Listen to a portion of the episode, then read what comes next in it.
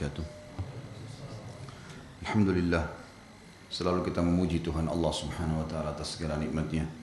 Dia zat yang maha hidup berdiri sendiri Zat yang maha kuat dan bijaksana Yang telah menciptakan semua yang di langit, semua yang di bumi dan semua yang di kedalaman lautan.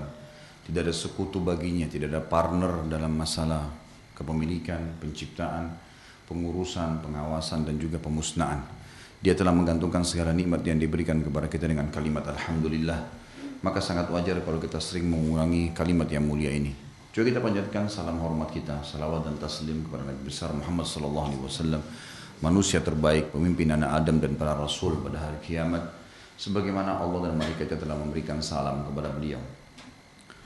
Melanjutkan bahasan mahkota pengantin teman-teman sekalian dan kita sudah menjelaskan atau kita masih dalam sub bahasan istri-istri Nabi Shallallahu Alaihi Wasallam dan sudah kita jelaskan tiga orang Khadijah binti Khuwailid radhiyallahu anha kemudian Sauda binti Zam'ah al-Qarshiyah radhiyallahu anha dan juga Aisyah binti Abi Bakar Siddiq radhiyallahu anha kita akan masuk sekarang istri Nabi SAW yang keempat yaitu Hafsah binti Umar bin Khattab radhiyallahu anhu Abu Daud menyebutkan bahwa Nabi SAW pernah menceraikannya lalu merujuknya kembali. Hafsah adalah salah satu istri Nabi yang janda, pernah menikah sebelumnya, kemudian cerai dengan suaminya. Pada saat cerai, Umar bin Khattab pun merasa gelisah dan ingin sekali mencarikan pasangan hidup anaknya. Dan ini peran orang tua harusnya seperti ini. Proaktif. Tidak boleh tenang kalau anaknya belum menikah. Baik mereka masih gadis ataupun ya perjaka atau sudah janda dan duda tidak boleh dibiarkan dalam kondisi tidak menikah karena memang dalam Islam tidak ada celah untuk tidak menikah kalau ada seseorang mengatakan saya belum punya pendapatan itu hanya alasan duniawi. Kita tetap tidak menghalangi. Ibadah tidak ada hubungannya dengan prestasi dunia. Sama sekali. Kalau setiap orang harus sarjana baru menikah maka kesian orang yang tidak ada sekolahnya. Tapi buktinya banyak tukang batu banyak tukang sampai menikah, banyak orang yang dorong-dorong gerobak menikah, karena mereka tidak hubungkan dengan prestasi dunianya. Lalu solusinya menikah dengan akfa. Sabda Nabi SAW, wa ankihul akfa aminkum. Menikah dengan orang yang sepadan dengan kalian. Nikah dengan orang yang bisa menerima keadaan kita. Belum tahu di mana dapatnya, berdoa kepada pemilik alam semesta. Allah subhanahu wa ta'ala. Berdoa agar dikirimkan kepada kita jodoh. Dan Nabi SAW sudah mengatakan dalam sebuah hadis tiga orang yang pasti pasti diberikan rezeki oleh Allah. Yang pertama mukatib, budak yang ingin membebaskan diri, lalu dia berkata kepada tuannya, saya mau bebas diri saya dari kata budakan, bagaimana caranya? Kata tuannya kau bayar sejuta. Baik, sejuta itu kata budaknya negosiasi bisa nggak saya bayar seratus ribu per bulan? Kata tuannya boleh, misal. Karena ada kalau dalam Islam kalau seorang budak sudah minta bebas, kita harus bebaskan dan kita harus terima uh, muka tabahnya. Ya. Maka kalau seandainya ya, dia mengatakan saya akan bayar 100 ribu per bulan maka kita harus terima. Dia akan bebas. Nah orang ini mukatib ini dijanji akan diberikan rezeki. Yang kedua mujahid. Walaupun berangkat dengan baju di badan Allah subhanahu wa ta'ala akan bukakan rezekinya. Dan yang ketiga orang yang menikah karena khawatir terjerumus pada yang haram atau karena ingin menjalankan perintah agama Allah Subhanahu wa taala. Jadi teman-teman, rezeki akan terbuka justru setelah menikah. Bukan justru rezeki dicari dulu baru kemudian menikah. Ini terbalik konsepnya.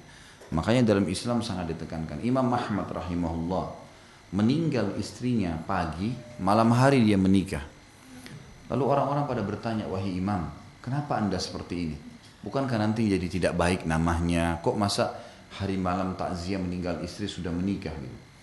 Maka jawabannya beliau sangat sangat ilmiah dan sangat uh, imania. Beliau mengatakan, saya juga khawatir pada saat saya meninggal malam ini dan saya bertemu dengan Allah sebagaimana istri saya bertemu sementara saya dalam keadaan bujangan, maksudnya tidak menikah. Karena beliau memandang menikah adalah perbuatan ibadah. Kenapa saya tidak menikah? Tidak ada halangan. Jadi kan tidak ada syarat dalam Islam harus selesai takziah baru menikah Beda perempuan punya masa iddah. Tapi bukan masalah cukup perilaku itu saja. Bagaimana Imam Ahmad rahimahullah memahami tentang metode atau harusnya menikah seseorang muslim dan tidak menunda karena itu adalah perintah agama. Hafsah pernah menikah radhiyallahu anha dan bercerai. Maka Umar bin Khattab mencari calon suami Yang paling pertama didatangi oleh Hafsah.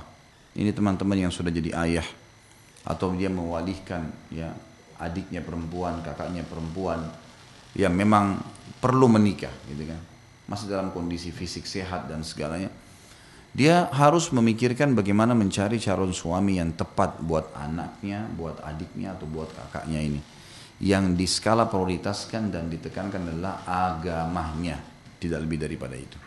Agama nomor satu, harusnya. Gitu ya. Dan ini harus difahami baik-baik. Gitu. Makanya Umar bin Khattab tidak mendatangi orang-orang yang sebaya dengan Hafsah. Masih banyak sahabat-sahabat yang bujang pada saat itu atau yang Eh, mungkin yang sebaya umurnya tapi tidak. Beliau mendatangi Abu Bakar mendatangi Utsman bin Affan. Utsman bin Affan waktu itu sudah punya anak anaknya juga sudah dewasa. Nah, maka didatangi Utsman lalu berkata wahai Utsman Hafsah layak jadi istri. Nikahi dia. Nikahi dia. Padahal pada saat itu kasusnya poligami. Nikahi dia maka Utsman bin Affan terdiam sejenak lalu berkata wahai Umar saya saat ini tidak ada hajat untuk menikah saat ini belum ada hajat maka Umar keluar dari rumah Uthman bin Affan lalu kemudian beliau keliling cari siapa lagi nih kira-kira. Ternyata terlihat di benaknya Abu Bakar. Abu Bakar juga sudah menikah. Ini poligami, didatangi. Wahai Abu Bakar, Hafsah layak jadi istri. Nikahi dia. Ya. Maka Abu Bakar terdiam mengatakan, saya berpikir hai Umar. Didiamkanlah kasus tersebut selama tiga hari oleh Abu Bakar. Umar bin Khattab Lula lalang berpikir ini gimana nih siapa yang terbaik. Lalu sholat malam dia berdoa kepada Allah agar ditunjukkan jodoh terbaik buat anaknya. Tiga hari kemudian datang lamaran Nabi Muhammad SAW kepada Hafsah radhiyallahu anha. Maka Umar bin Khattab pun menikahkan segera. Tentu saja tidak ada yang mengalahkan Nabi SAW dari sisi agama dan akhlaknya. Waktu sementara proses walimah pernikahan Nabi SAW dan lagi makan, Umar bin Khattab, Abu Bakar mendekati Umar bin Khattab radhiyallahu anhuma Lalu berkata kepadanya, wahai radhiyallahu ajmain, wahai uh, Umar, apa kau tahu kenapa saya tiga hari nggak memberikan jawaban tentang Hafsah? Saya sebenarnya mau menikahinya. Saya ada hajat menikah. Saya mau menikahinya. Tapi saya mendengar Nabi Muhammad SAW menyebut-nyebut nama Hafsah, maka saya sadar kalau Nabi menginginkannya. Saya pun tidak berani melamar sebelum Nabi SAW memutuskan melamar atau tidak. Maka menikahlah Nabi SAW dengan Hafsah. Ini juga pelajaran lain teman-teman sekalian. Ya, pelajaran lain. Dahulukan calon suami yang beriman. Yang beriman. Iman yang paling pertama. Cuma itu kata kuncinya. Beriman kepada Allah.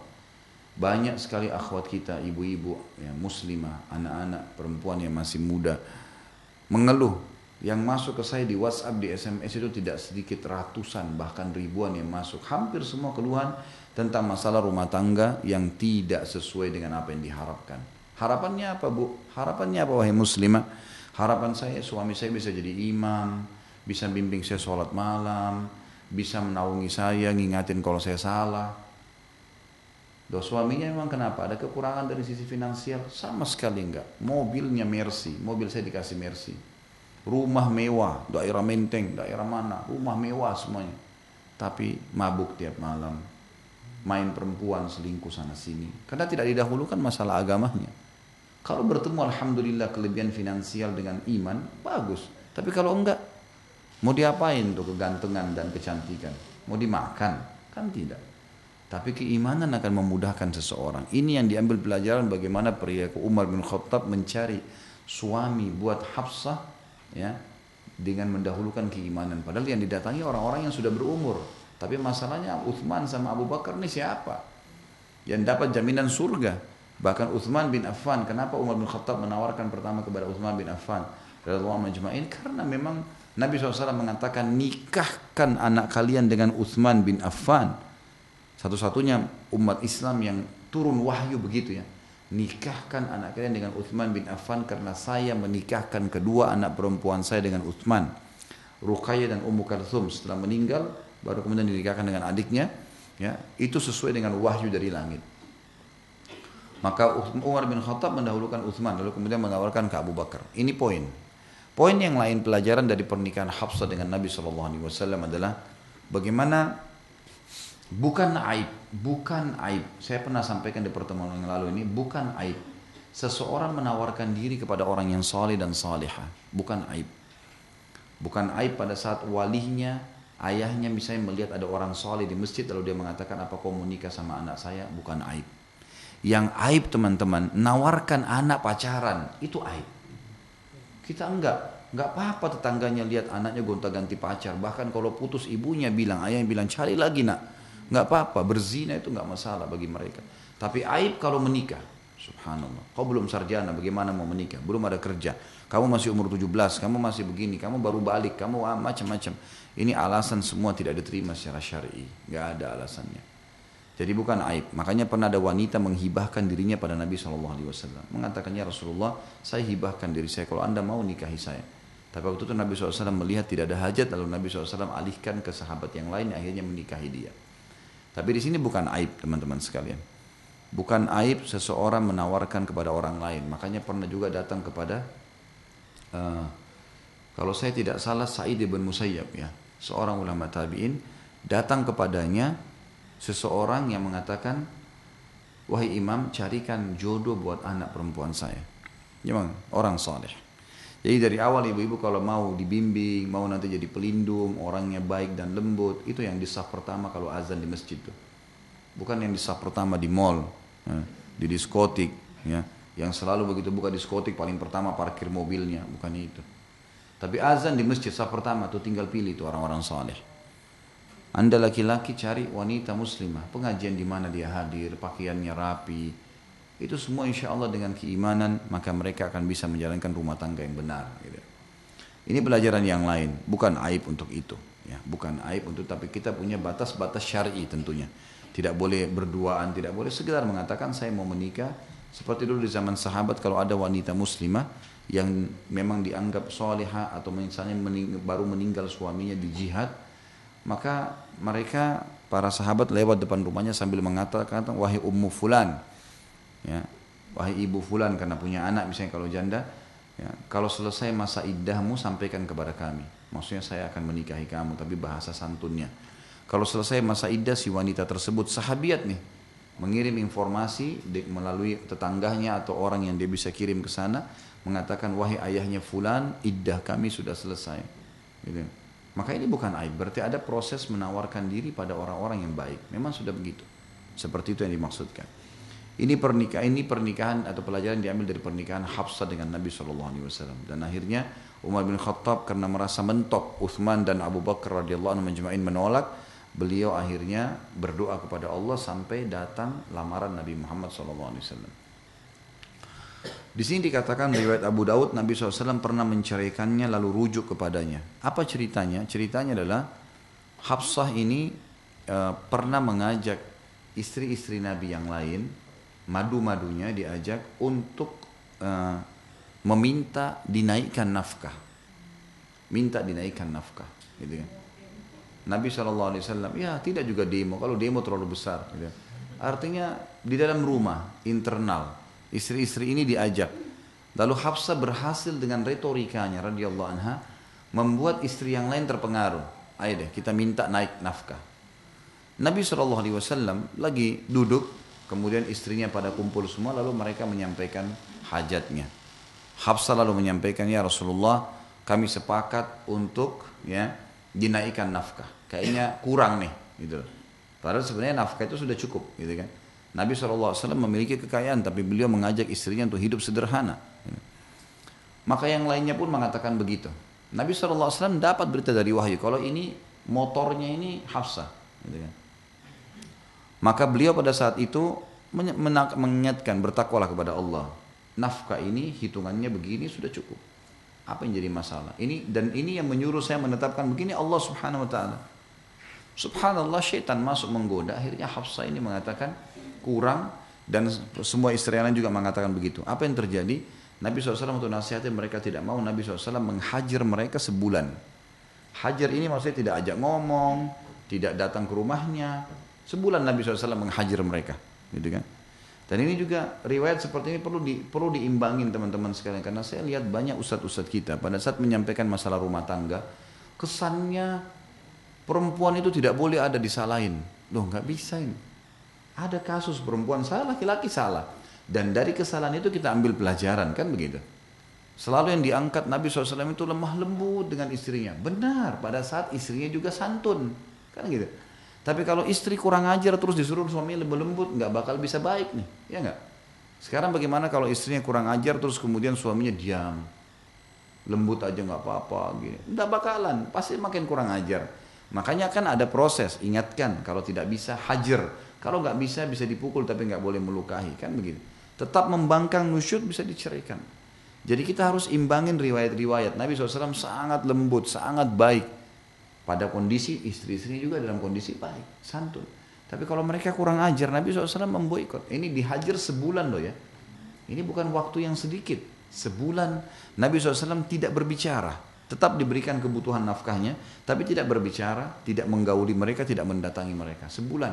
Waktu didengar oleh sahabat-sahabat itu kebetulan Madinah, pas kasus ini subhanallah, bertepatan Madinah lagi mau diserang oleh satu-satu suku Arab ini kalau tidak salah suku Gatafan. Gatafan ini suku yang besar sekali.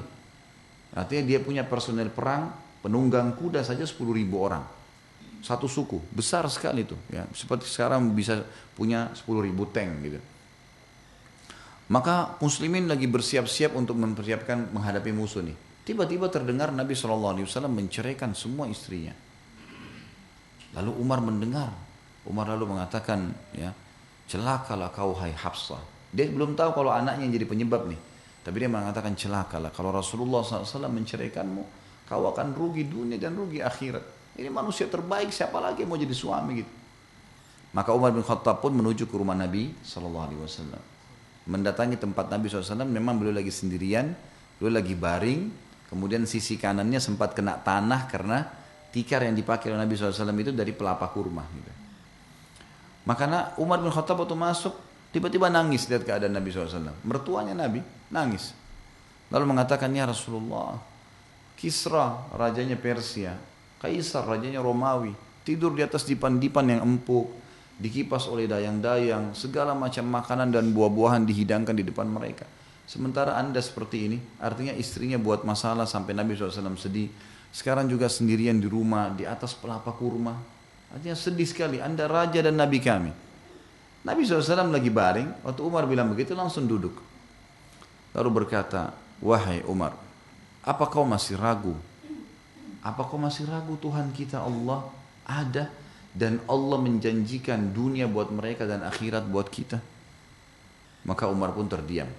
Lalu kata Umar, ya Rasulullah, saya ingin tahu, apakah anda menceraikan istri-istri anda? Kata Nabi SAW, tidak. Tidak.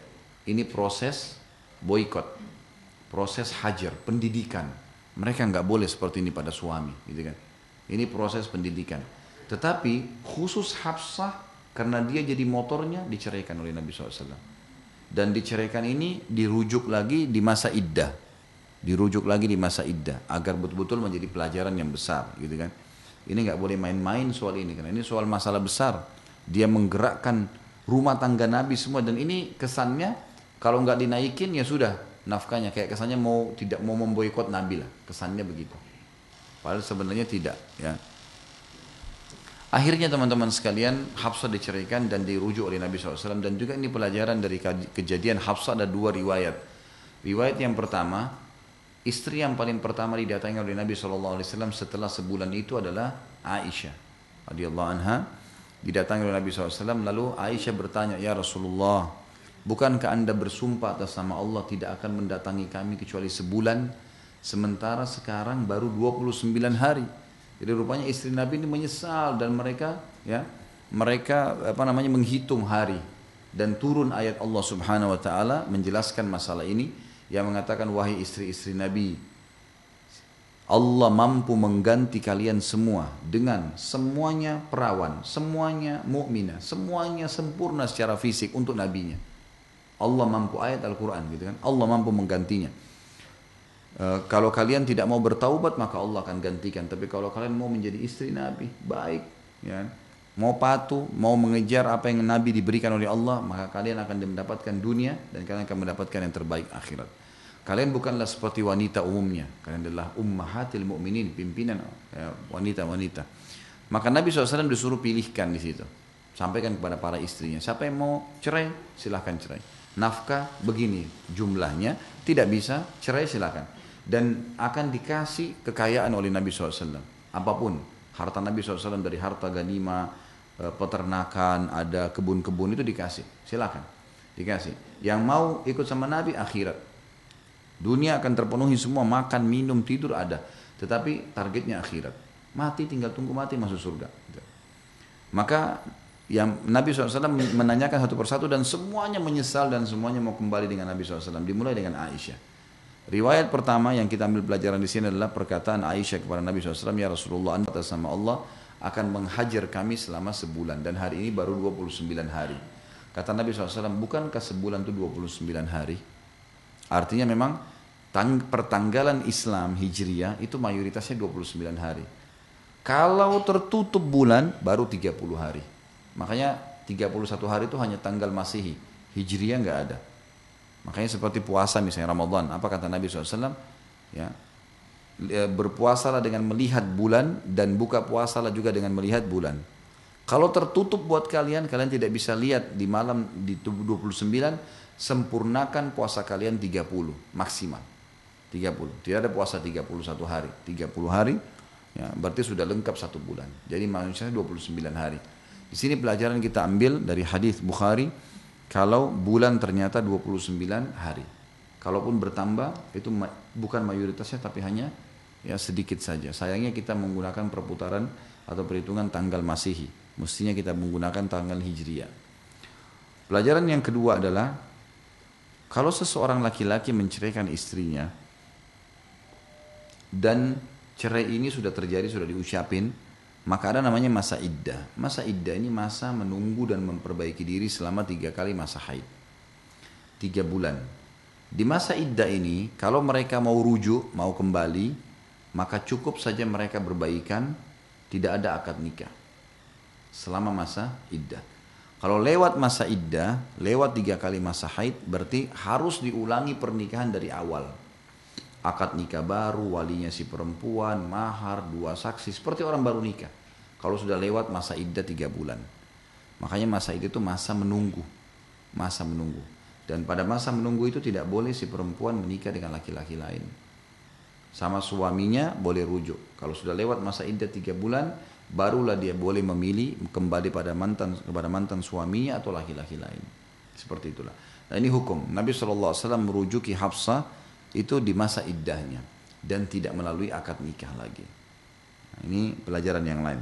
Ini istri Nabi SAW Hafsah. Tentu kita simpulkan Bapak Ibu sekalian, jangan Anda menangkap apa yang saya ceritakan berarti Hafsah ini punya keburukan ya. Bukan. Hafsah radhiyallahu anha adalah istri Nabi yang mulia. Cuman memang pernah terjadi kesalahan dan perlu kita ketahui kesalahan-kesalahan terjadi di kalangan sahabat mereka manusia biasa seperti kita. Dan Kata ulama, kita melihat dari sisi bahwasanya Allah Subhanahu wa taala menjadikan kejadian itu terjadi pada istri Nabi untuk menjadi sebuah hukum. Karena terbukti ada riwayat Bukhari Muslim yang lain, Aisyah berkata, Aisyah termasuk istri Nabi yang paling dicintai. Sebagaimana saya jelaskan yang lalu, waktu ditanya ya Rasulullah, siapa orang yang paling anda cintai? Kata Nabi SAW, Abu Bakar. Ya. Pertama eh, Aisyah, lalu kata sahabat tersebut dari laki-laki. Kata Amr bin As, kata Nabi SAW, ayahnya Abu Bakar. Jadi yang paling dicintai. Maka Nabi SAW, ya, pada saat terjadi kasus dengan Aisyah misalnya cemburuannya, maka bukan Aisyahnya sedang kita sorotin, tapi terjadi sehingga terjadi keluar hukum, gitu kan? Teguran Nabi SAW terhadap istrinya menjadi sebuah hukum. Sama kasus Hafsah ini, gitu kan? Ada riwayat Bukhari Muslim yang berbunyi, Aisyah berkata istri yang paling dicintai Nabi SAW, dia bilang saya pernah safar dibawa oleh Nabi SAW berdua dengan Hafsah. Dua-dua istri Nabi dibawa safar dan dua-duanya e, digilir oleh Nabi SAW di situ, di kemah, di kemah, dikasih kemah masing-masing. Kata Aisyah, saya baru tahu kalau saya secara khidmah melayani Nabi SAW tidak ada apa-apanya setelah saya safar dengan Hafsah. Luar biasa Hafsah mencuci kaki Nabi SAW, mencuci bajunya, menyiapkan semua tempat kemahnya dibersihkan, makanannya semua harus didahulukan Nabi SAW. Yang Aisyah merasa dia tidak lakukan itu. Maka dia mengatakan saya justru belajar bagaimana khidmat dari Hafsah setelah saya safar dengan dia. Jadi Hafsah ini punya kelebihan, gitu kan? Cuma kasuistik tadi, riwayat Abu Daud, Nabi pernah menceraikan, kemudian merujuknya kembali. Saya menceritakan bagaimana proses apa penyebabnya dan bagaimana Nabi rujuk dengan dia, gitu kan? Supaya jelas buat kita. Tapi ini bukan berarti kita suruh sorotin ummul mukminin Hafsah, kita katakan dia buruk misalnya, tidak. Sama yang saya jelaskan pertemuan yang lalu ada lebih dari lima buah hadis menjelaskan tentang cemburunya Aisyah. Aisyah pernah cemburu dengan Khadijah, pernah cemburu dengan Sofia, pernah cemburu eh, di malam nisfu Sya'ban yang Nabi SAW, pernah cemburu dengan Maria, ya, pernah cemburu dengan istri-istri Nabi. Tapi bukan cemburunya Aisyah yang kita sorotin. Karena ini kasus penyebab terjadi, akhirnya keluar teguran Nabi SAW. Nah, hukum syariat adalah teguran Nabi SAW. Karena Hafsah, Aisyah, dan istri Nabi yang lain kalau ada buat salah, mereka menerima hukum dari Nabi SAW. Mereka menerima sebagai hukum dan mereka minta maaf. Jadi keliru. Seperti mana saya katakan pertemuan yang lalu, banyak ustadz-ustadz kita, oh Aisyah aja cemburu, ibu-ibu disuruh cemburu semua. Gitu kan. Ini gimana? Salah faham nih. Cemburu itu hanya boleh kalau ibu dan bapak mau rumah tangganya nikmat, ikuti saran saya. Cemburu hanya pada pelanggaran agama saja. Tidak boleh cemburu sembarangan nih. Atau orang cemburu sama anaknya, cemburu sama mertuanya, cemburu sama iparnya. Ini bukan tempatnya. Cemburu dengan madunya kalau dia poligami. Apa yang mau dicemburuin nih? Cemburu itu sesuatu yang menganggap haknya dia kurang. Muncul kecemburuan. Itu hanya boleh pada pelanggaran agama saja. Makanya semua hadis berhubungan dengan cemburunya Aisyah radhiyallahu anha itu disebutkan ya kemudian yang dijadikan hukum teguran Nabi SAW.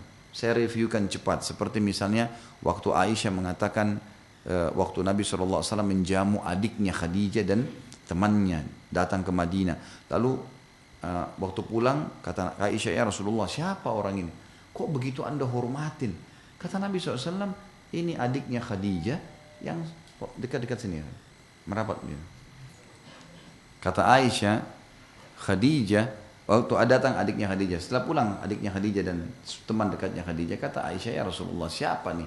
dua orang perempuan kok anda begitu hormatin gitu waktu tadinya Aisyah tidak tanya langsung aja hidangin makanan segala karena adabnya kita dalam Islam orang kalau datang apa yang dia sampaikan kita terima jangan kita tanya kenapa kamu datang kamu dari mana nggak ada tujuh nggak ada nggak ada adab dalam Islam dia nggak ceritanya sudah berarti dia minta makan saja kasih makan udah selesai begitu adabnya Aisyah nggak tanya tahu adab dalam Islam begitu pulang kata Aisyah ya Rasulullah siapa dua orang tadi begitu anda hormatin Kata Nabi SAW yang satu adiknya Khadijah, yang satu teman dekatnya Khadijah.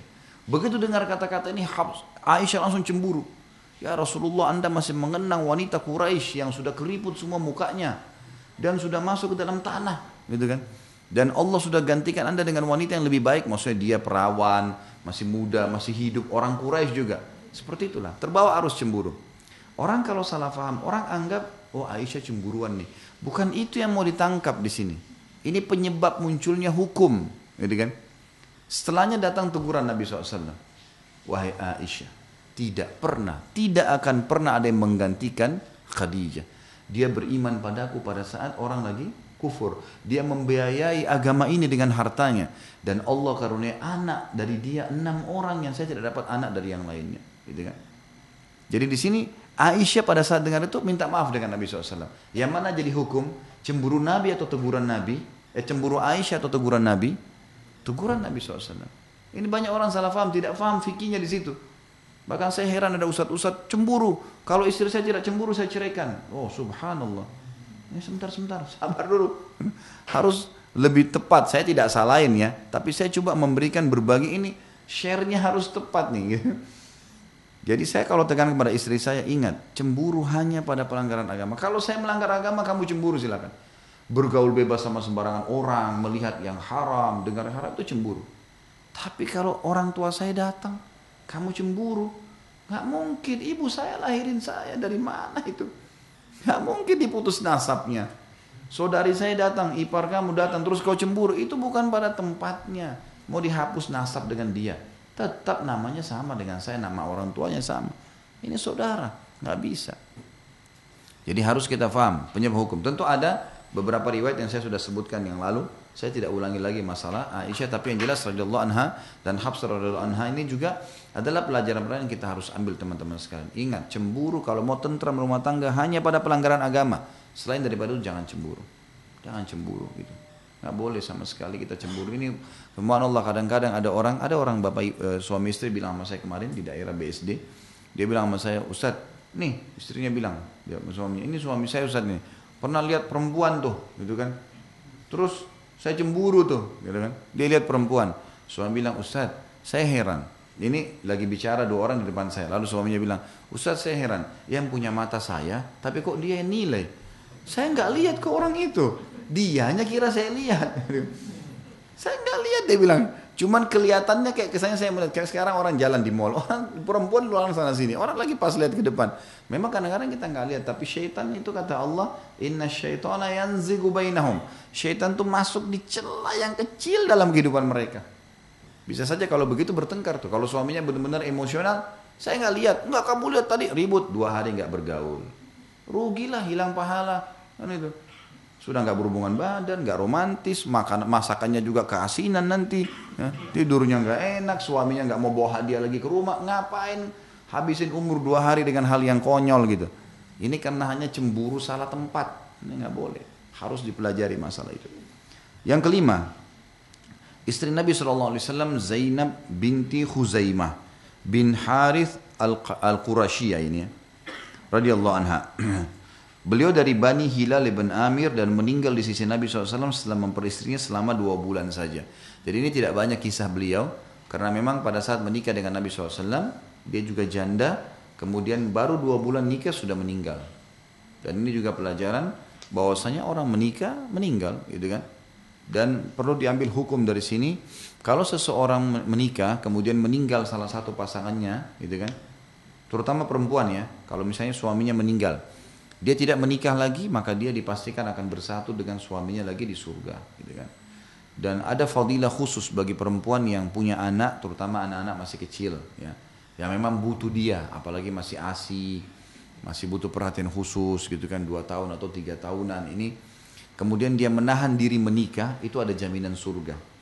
Kata Nabi saw empat wanita penghuni surga empat penghuni neraka.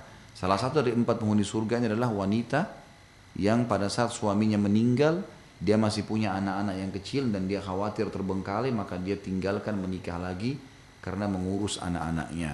Ya, punya fadilah tersendiri. Karena kalau dia misalnya masih asi nih dia masih memberikan asi anaknya terus dia nikah lagi. Betul masa iddah sudah habis 4 bulan 10 hari. Mana yang dia harus dahulukan? Kalau anaknya atau suaminya? Kan bingung. Kalau ayahnya sendiri mungkin lain. Tapi kalau laki-laki lain belum tentu dia mau menerima. Pada saat si wanita ini harus dusui anaknya dulu di malam hari misalnya sementara dia juga butuh untuk ditemani jadi akan sebab salah gitu. Lain kalau anak-anaknya sudah dewasa itu berbeda. Karena Nabi SAW menikah dengan Khadijah menikah dengan istri yang lain semuanya janda. Bukan berarti orang itu dianjurkan menjadi janda tidak. Tapi bagi janda yang punya anak masih kecil dianjurkan menunda pernikahannya dan itu ada fadilah masuk surga. Tapi dia dianjurkan sisi yang lain menikah gitu kan dan ibu-ibu saya sarankan, maaf ini saya bahasakan. Jangan pernah terpengaruh dengan perkataan orang. Wah saya sudah dua kali janda, saya malu nikah lagi. Gak ada urusannya itu. Sama sekali gak ada urusannya. Khadijah itu punya suami dua orang sebelum Nabi SAW. Nah, Nabi SAW itu suami yang ketiganya. Ya. Artinya mungkin kita pernah gagal yang lalu, tapi belum tentu ke depannya.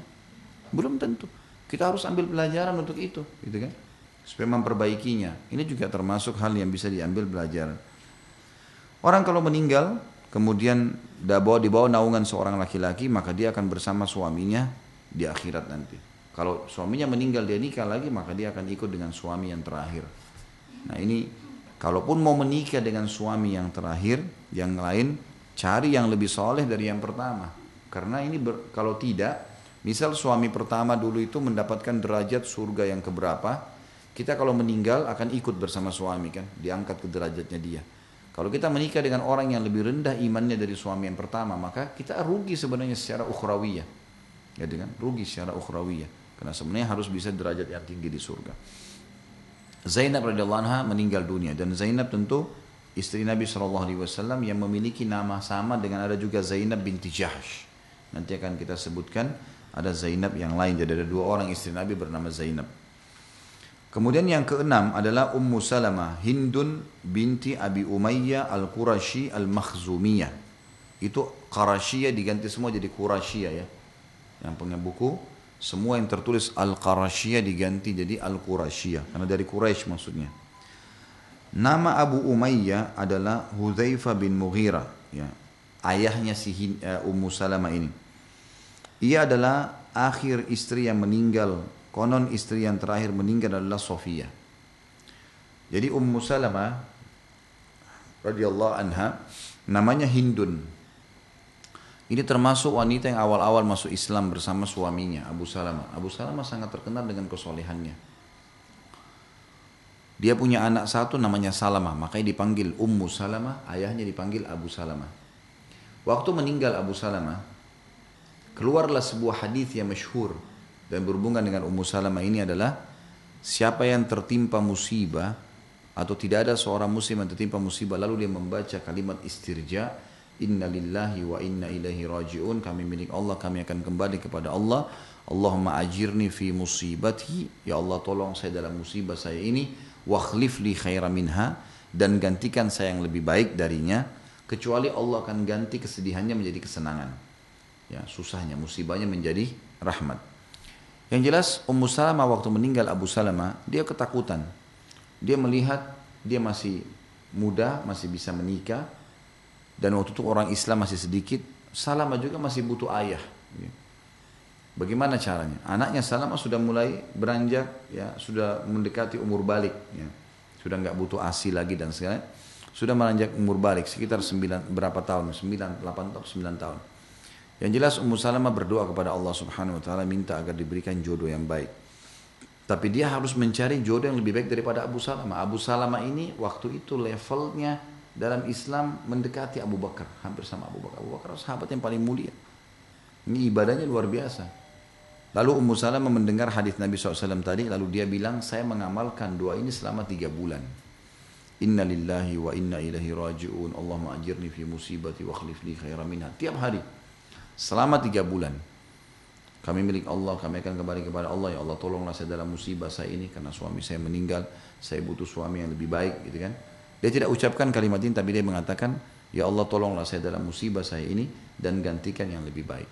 Dia bilang selama tiga bulan saya terus bertanya, kalau Allah kabulkan doa ini, kira-kira siapa yang lebih baik daripada Abu Salamah? Dia bilang, saya mengetahui dahsyatnya doa ini justru setelah tiga bulan. Karena lamaran Nabi SAW datang. Lamaran Nabi SAW datang. Maka dinikahi oleh Nabi SAW pada saat itu dan ini yang berhubungan dengan Ummu Salamah. Tentu tidak terlalu banyak hadis yang menjelaskan tentang Ummu Salamah ini. Tapi ada riwayat yang pernah uh, waktu istri-istri Nabi lagi duduk di depan Nabi SAW. Kemudian uh, Nabi SAW diam dan mereka lagi ngobrol dan suara mereka lebih tinggi dari suara Nabi SAW. Kan kita dianjurkan adabnya sama Nabi nggak boleh lebih keras dari suara Nabi. Volume Nabi lima kita harus lima ke bawah, gitu kan? Seperti itu. Kata Allah SWT dalam Al-Quran, "A'udzu billahi ya ayyuhalladzina amanu la tarfa'u aswatakum sawtin nabi." Ya. Al-ayah, hai orang-orang beriman jangan angkat suara kalian di hadapan Nabi, gitu kan? Yang jelas Nabi SAW lagi duduk, istri-istri lagi ngobrol satu sama yang lain, ternyata suaranya jadi meninggi. Waktu Umar bin Khattab lewat, masuk ke dalam rumah tersebut, Umar ini kalau jalan kedengar kayak terasa suara kakinya karena besarnya poster tubuh, gitu kan. Dan orang tahu ini Umar bin Khattab anhu. Waktu Umar bin Khattab memberikan salam, pengen pamit masuk mau ketemu Nabi di rumahnya, semua istri Nabi diam. Tiba-tiba hilang suaranya senyap. Waktu Umar bin Khattab masuk, Nabi SAW senyum. Kata Umar, semoga Allah membuat anda selalu senyum ya Rasulullah. Kenapa anda senyum? Kata Nabi SAW, saya heran nih dengan wanita-wanita ini. Tadi waktu kamu belum datang, suaranya lebih tinggi dari suara saya. Begitu kamu datang, senyap semua. Enggak ada suara. Umar bilang apa kepada istri Nabi? Wahai musuh-musuh Allah. Gitu. Apakah kalian takut? Ini maksudnya perkataan untuk menghardik karena kenapa kok sama Nabi nggak ada suara angkat suara sama saya enggak? Apa kalian takut dengan saya segan sama saya tidak segan sama Nabi? Nah di sini Ummu Salamah yang nyaut karena Ummu Salamah istri Nabi yang tertua. Dia mengatakan, iya tentu saja. Gitu. Karena Rasulullah SAW lebih lembut daripada kamu. Kamu keras orangnya gitu. Maka itu sebabnya kami sempat mengangkat suara. Ini ada riwayat yang menyebutkan masalah itu. Ummu Salamah juga punya riwayat hadis yang lain tentang kejadian kesepakatan Hudaybiyah. Hudaybiyah ini wilayah sekitar 80 km dari Mekah. 80 km dari Mekah. Jadi kalau teman-teman lagi umrah atau lagi haji, ya, biasanya kalau umrah ya, itu kalau mau menuju ke, dari Mekah ke Jeddah pulang, sudah mau pulang ke Indonesia, atau biasanya dari Mekah dulu terus ke Madinah, itu bisa kalau memang travelnya setuju, bisa kita negosiasi, bisa nggak perjalanan menuju ke Madinah atau perjalanan menuju ke Jeddah, mampir ke Hudaybiyah. Hudaybiyah ini sebuah lokasi sekitar 80 km dari Mekah, di situ banyak peternakan unta kalau sekarang. Jadi di situ beli e, susu unta, kencing unta gitu kan Ya, sudah pernah coba kencing unta? Harus coba satu waktu. Lah benar, itu hukum syar'i. Kencing unta boleh diminum. Khusus kencing unta, dia tidak najis. Iya. Dan di zaman Nabi SAW, di zaman sahabat itu dipakai untuk menyuburkan rambut. Khusus unta ya, bukan hewan yang lain. Karena unta ini tidak memakan kecuali makanan-makanan kering dari padang pasir dan memang memang seperti itu. Ada hadis sendiri. Saya tidak bahas kencing, gak usah dibayangkan. Yang jelas Hudaybiyahnya. Nah biasanya kalau saya bimbing umroh kalau kita berhasil melobi travel dan mereka setuju itu bus kami mampir ke Hudaybiyah dulu. Di pinggir jalan banyak peternakan unta. Nanti kita mampir beli langsung sebotol susu yang baru diperah juga ada kencing ditaruh di sebelahnya. Biasanya orang campurin. Tapi orang minum susunya misalnya. Yang jelas Hudaybiyah adalah sebuah lokasi. Pernah ada kasus di zaman Nabi SAW Waktu itu Nabi SAW keluar dengan 1400 sampai 1500 sahabat. Ada khilaf di ahli sejarah riwayatnya. Yang jelas di atas 1000 orang. Niatnya ingin umroh. Niatnya ingin umroh. Pas tiba di Hudaybiyah, orang-orang Quraisy menahan Nabi SAW. Utus utusan tidak boleh masuk Muhammad ke Mekah. Kalau masuk perang nih, nggak boleh. Maka Nabi SAW tunggu di situ. Lalu terjadi kesepakatan kalau muslimin tidak boleh masuk tahun itu mereka harus pulang ke Madinah dan mereka boleh masuk tahun depan. Beberapa sahabat sempat jengkel nih. Termasuk Umar bin Khattab mengatakan ya Rasulullah, kenapa kita mau mengalah sama mereka? Kita 1.500 orang, banyak. Memang semua baju ihram tapi bawa pedang, gitu kan? Enggak pakai baju perang tapi bawa pedang. Kita melawan saja. Ngapain kita mengalah? Kata Nabi SAW, hai Umar, ini wahyu. Gak mungkin. Allah suruh pulang. Terima kesepakatan itu. Udah, Umar bin Khattab diam nih. Disebarlah berita, Nabi SAW perintahkan seluruh sahabat disuruh pulang. Sekarang siap-siap tahallul, cukur rambut.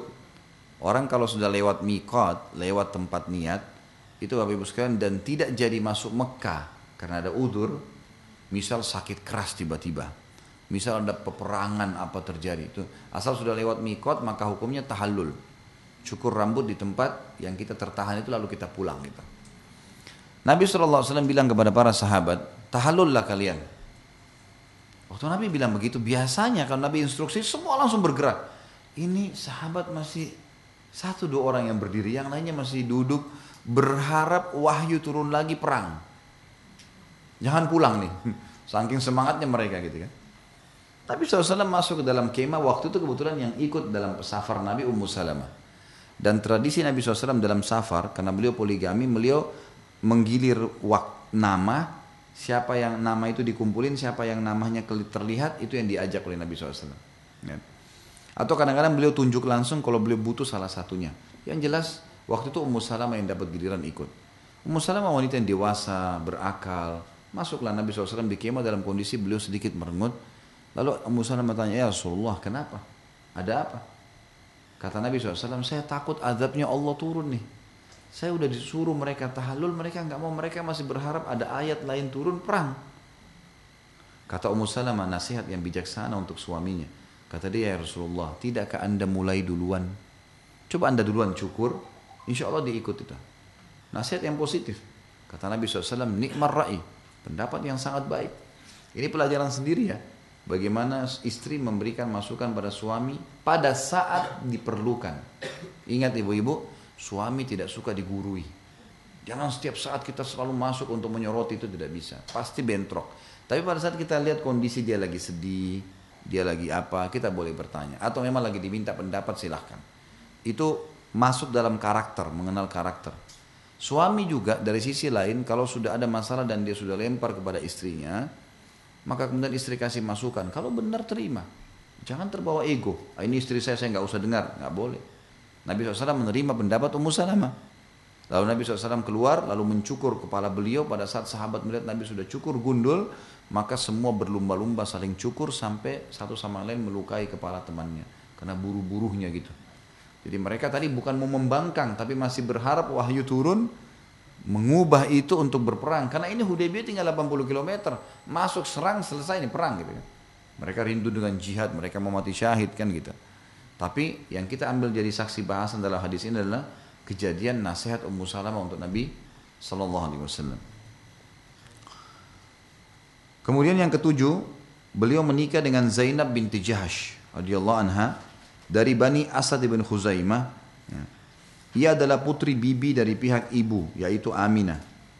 Mengenai dia turunlah firman Allah Subhanahu wa taala surah Al-Ahzab ayat 37. A'udzu billahi minasyaitonir rajim. Falamma qada Zaidun minha wataran zawwajnakaha Al-ayah. Maka tak kala Zaid telah mengakhiri keperluan dengan istrinya menceraikannya, kami kawinkan kamu dengannya.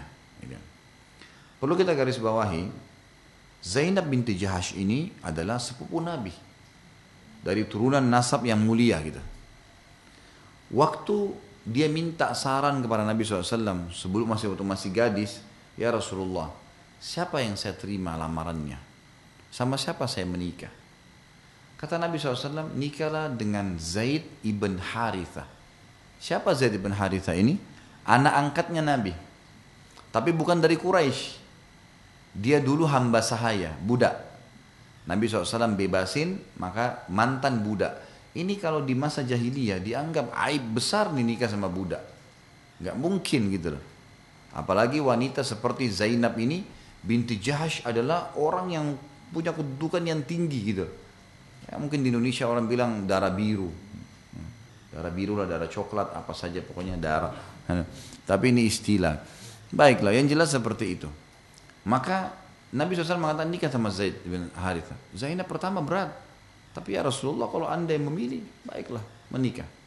Rupanya berjalan waktu, jiwa Zainab ini terganggu dengan bekas status suaminya ini loh mantan Buddha ini. Kesannya begitu.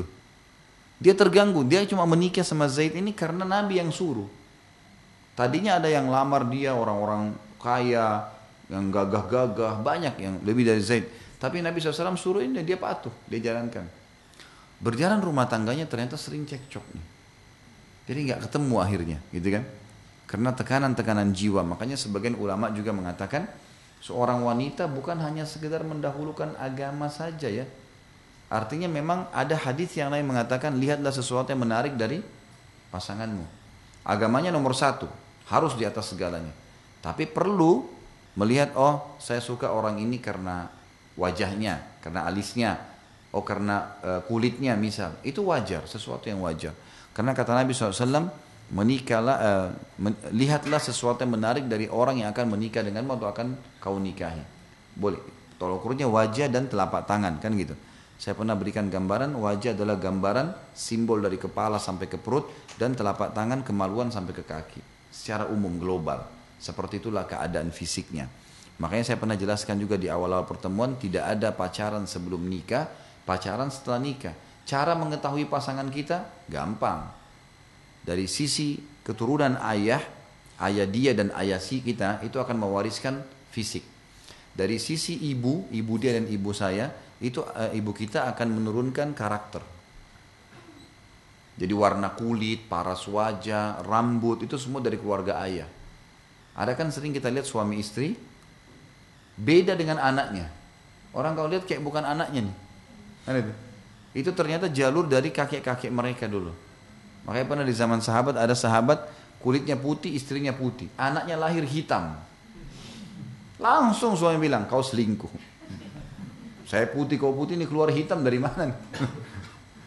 Kata istrinya apa demi Allah nggak ada yang sentuh saya kecuali kau. Gimana? Lapor ke Nabi SAW. Nabi dapat wahyu nih. Kebetulan orang ini punya peternakan unta. Si laki-laki kata Nabi SAW, apa kau punya unta? Dia bilang iya. Ada jantan betina ada. Warnanya apa? Coklat. Coklat kemerah-merahan. Ada anaknya nggak anda? Berapa anaknya? Lima anaknya. Apa semua anaknya sama dengan warna ibunya sama ayahnya? Dia bilang tidak. Ada yang malah kulit bulunya itu hitam, coklat tua hitam gitu. Kata Nabi SAW, kok bisa terjadi? Bukankah dari ibu induk yang sama? Dari ibu dan ayah yang sama? Kata orang ini, si laki-laki ini, mungkin ya Rasulullah tertarik dari jalur nasabnya. Kata Nabi SAW, anakmu juga begitu. Sama. Ini dari kakek-kakeknya. Jadi begitu. Kalau ibunya karakter, umumnya ya, sifat ibu, ibu ibu kita dan ibu dia itu menurunkan karakter. Makanya kita lihat sifat umumnya global, sifat keluarga itu. Misal terkenal keluarga ini baik-baik. Kalau ada satu orang yang buruk itu keluar, itu tidak dihitung, mayoritasnya. Seperti itulah, gitu kan? Memilih uh, jalur itu. Nah, kita ambil pelajaran dari Zaid Zaid bin Harisa menikah dengan Zainab karena perintah Nabi SAW. Berjalan waktu dia tidak merasa, dia merasa terganggu. Nah ini juga bisa terjadi. Bahkan ulama mengatakan boleh seorang wanita mengadukan perceraian atau seorang laki-laki mengadukan perceraian, gitu kan? Masuk dalam udur. Kalau tiba-tiba dia sudah tidak, dia ternyata kayak merasa salah pilih nih saya, gitu loh. Kesannya begitu. Dia merasa kalau dia lanjutkan malah dia jadi berdosa. Akhirnya dia menghina pasangannya. Seperti itu gambarannya. Tapi ini boleh ya, bolehnya mengajukan cerai. Kalau dia sabar jauh lebih baik. Makanya pernah di zaman e, tabiin ada kisah yang masyhur kisah tentang wanita yang cantik rupa dengan laki-laki yang buruk rupa. Sudah tahu ceritanya? Sudah, alhamdulillah kalau sudah. Hmm. Jadi ulangi. Wanita ini sangat cantik dan soleha, terkenal tinggi putih luar biasa. Suaminya kulit kulitnya gelap hitam, maaf teman-teman yang hitam, saya bukan bermaksud. Tapi maksudnya kulitnya gelap, kemudian orangnya pendek, banyak kekurangan secara fisik. Orang semua kaget, semua orang kaget. Sampai ditanya perempuan ini, kenapa kau nikah sama ini? Saya pilihan saya. Dan dia kelihatan bahagia ini perempuan. Jalan gandeng suaminya ke mana-mana bangga gitu. Punya anak dari si suami. Sampai suaminya satu waktu yang bertanya. Dia heran, ini perempuan secantik ini mau sama saya juga bingung dia. Lalu kemudian dia bilang, apa sebenarnya yang mendorong kamu nikah dengan saya? Apa sebabnya? Sudah jelas kamu ini nggak mungkin kalau secara manusiawi nggak ada orang yang mau nikah sama saya seperti orang kamu. Dia bilang supaya saya mendapatkan pahala sabar dan kau dapat pahala syukur. Kata si perempuan itu. Jadi setiap saya lihat kamu, saya bersabar. Setiap kau lihat saya, kau bersyukur.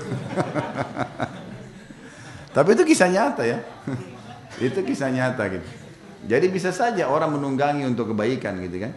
Allahu alam itu yang ada.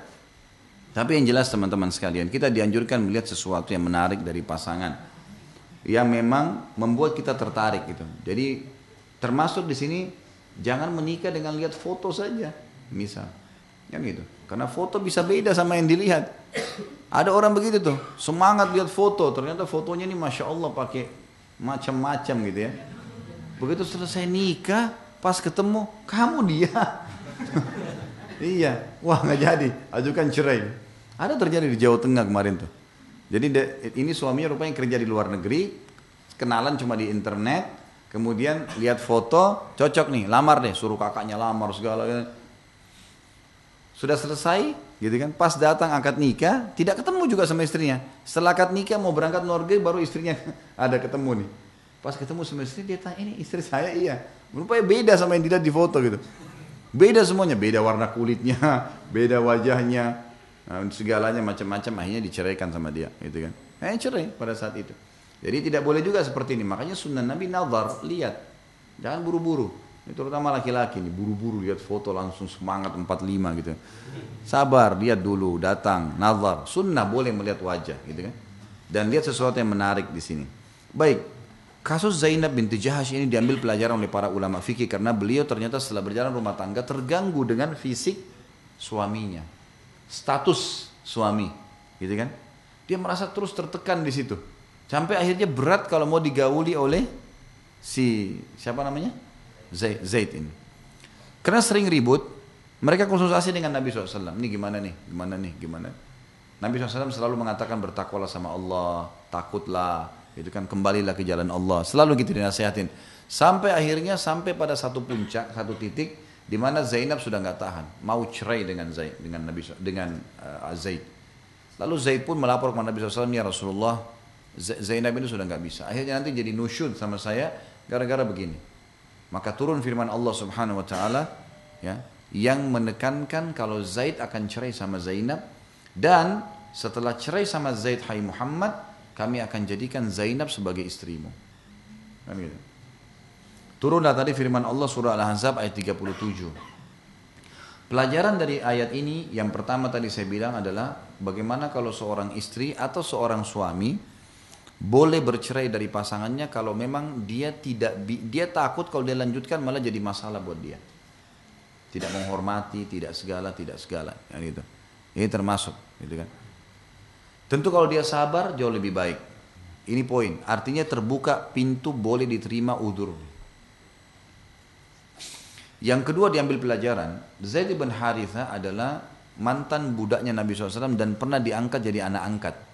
Kisahnya adalah Haritha, ayahnya Zaid ini, seorang kepala suku. Sukunya rupanya berperang dengan suku Arab yang lain sampai akhirnya dikalahkan sukunya ayahnya Zaid ini, Haritha namanya maka Zaid ini ditawan, jadi diperjualbelikan di pasar sampai akhirnya jatuh di tangan dari pasar ke pasar, dari pasar ke pasar, dijual-jualbelikan sampai dibeli oleh Khadijah sebelum nikahnya dengan Nabi SAW. Radiyallahu anha. Waktu Nabi SAW nikah dengan Khadijah, Khadijah hadiahkan Zaid kepada Nabi SAW. Ini untuk anda ya su, eh, eh, suamiku pak, dia silakan pakai tenaganya jadi pembantunya dia lah, gitu kan. Maka Nabi SAW bermuamalah dengan baik sekali dengan Zaid ini. Sampai satu waktu Haritha, ayahnya Zaid, dak cari tahu nih mana anak saya. Ini kepala suku. Anaknya bukan budak. Dia keliling cari tahu sampai dia dapat Zaid ternyata ada di tangan salah satu toko Mekah. Didatangin Mekah sama dia. Sampai ketemu dengan Nabi SAW. Waktu ketemu lalu dia berkata, Wahai Muhammad, anak saya ini orang bebas. Bukan budak dulu. Dia orang bebas. Dan saya sekarang mau menebus. Berapa kau minta saya bayar? Berapa kau minta saya bayar? Lalu kata Nabi SAW dengan bijaksana begini saja wahai Haritha. Nggak usah, nggak usah tebus apa-apa. Supaya adil kita tanya si Zaid. Zaid ini mau milikan milik kamu atau milik saya? Kalau dia milik kamu silahkan bebas tanpa ada tebusan. Saya bebasin. Tapi kalau milik saya, kau harus sportif menerimanya. Tentu saja setiap ayah akan berpikir anaknya akan pilih ayahnya, nggak mungkin. Maka dengan gembira Harith datang ke, uh, ke, ke, ke kamarnya Zaid lalu berkata, wahai Zaid, Muhammad orang yang sangat bijaksana.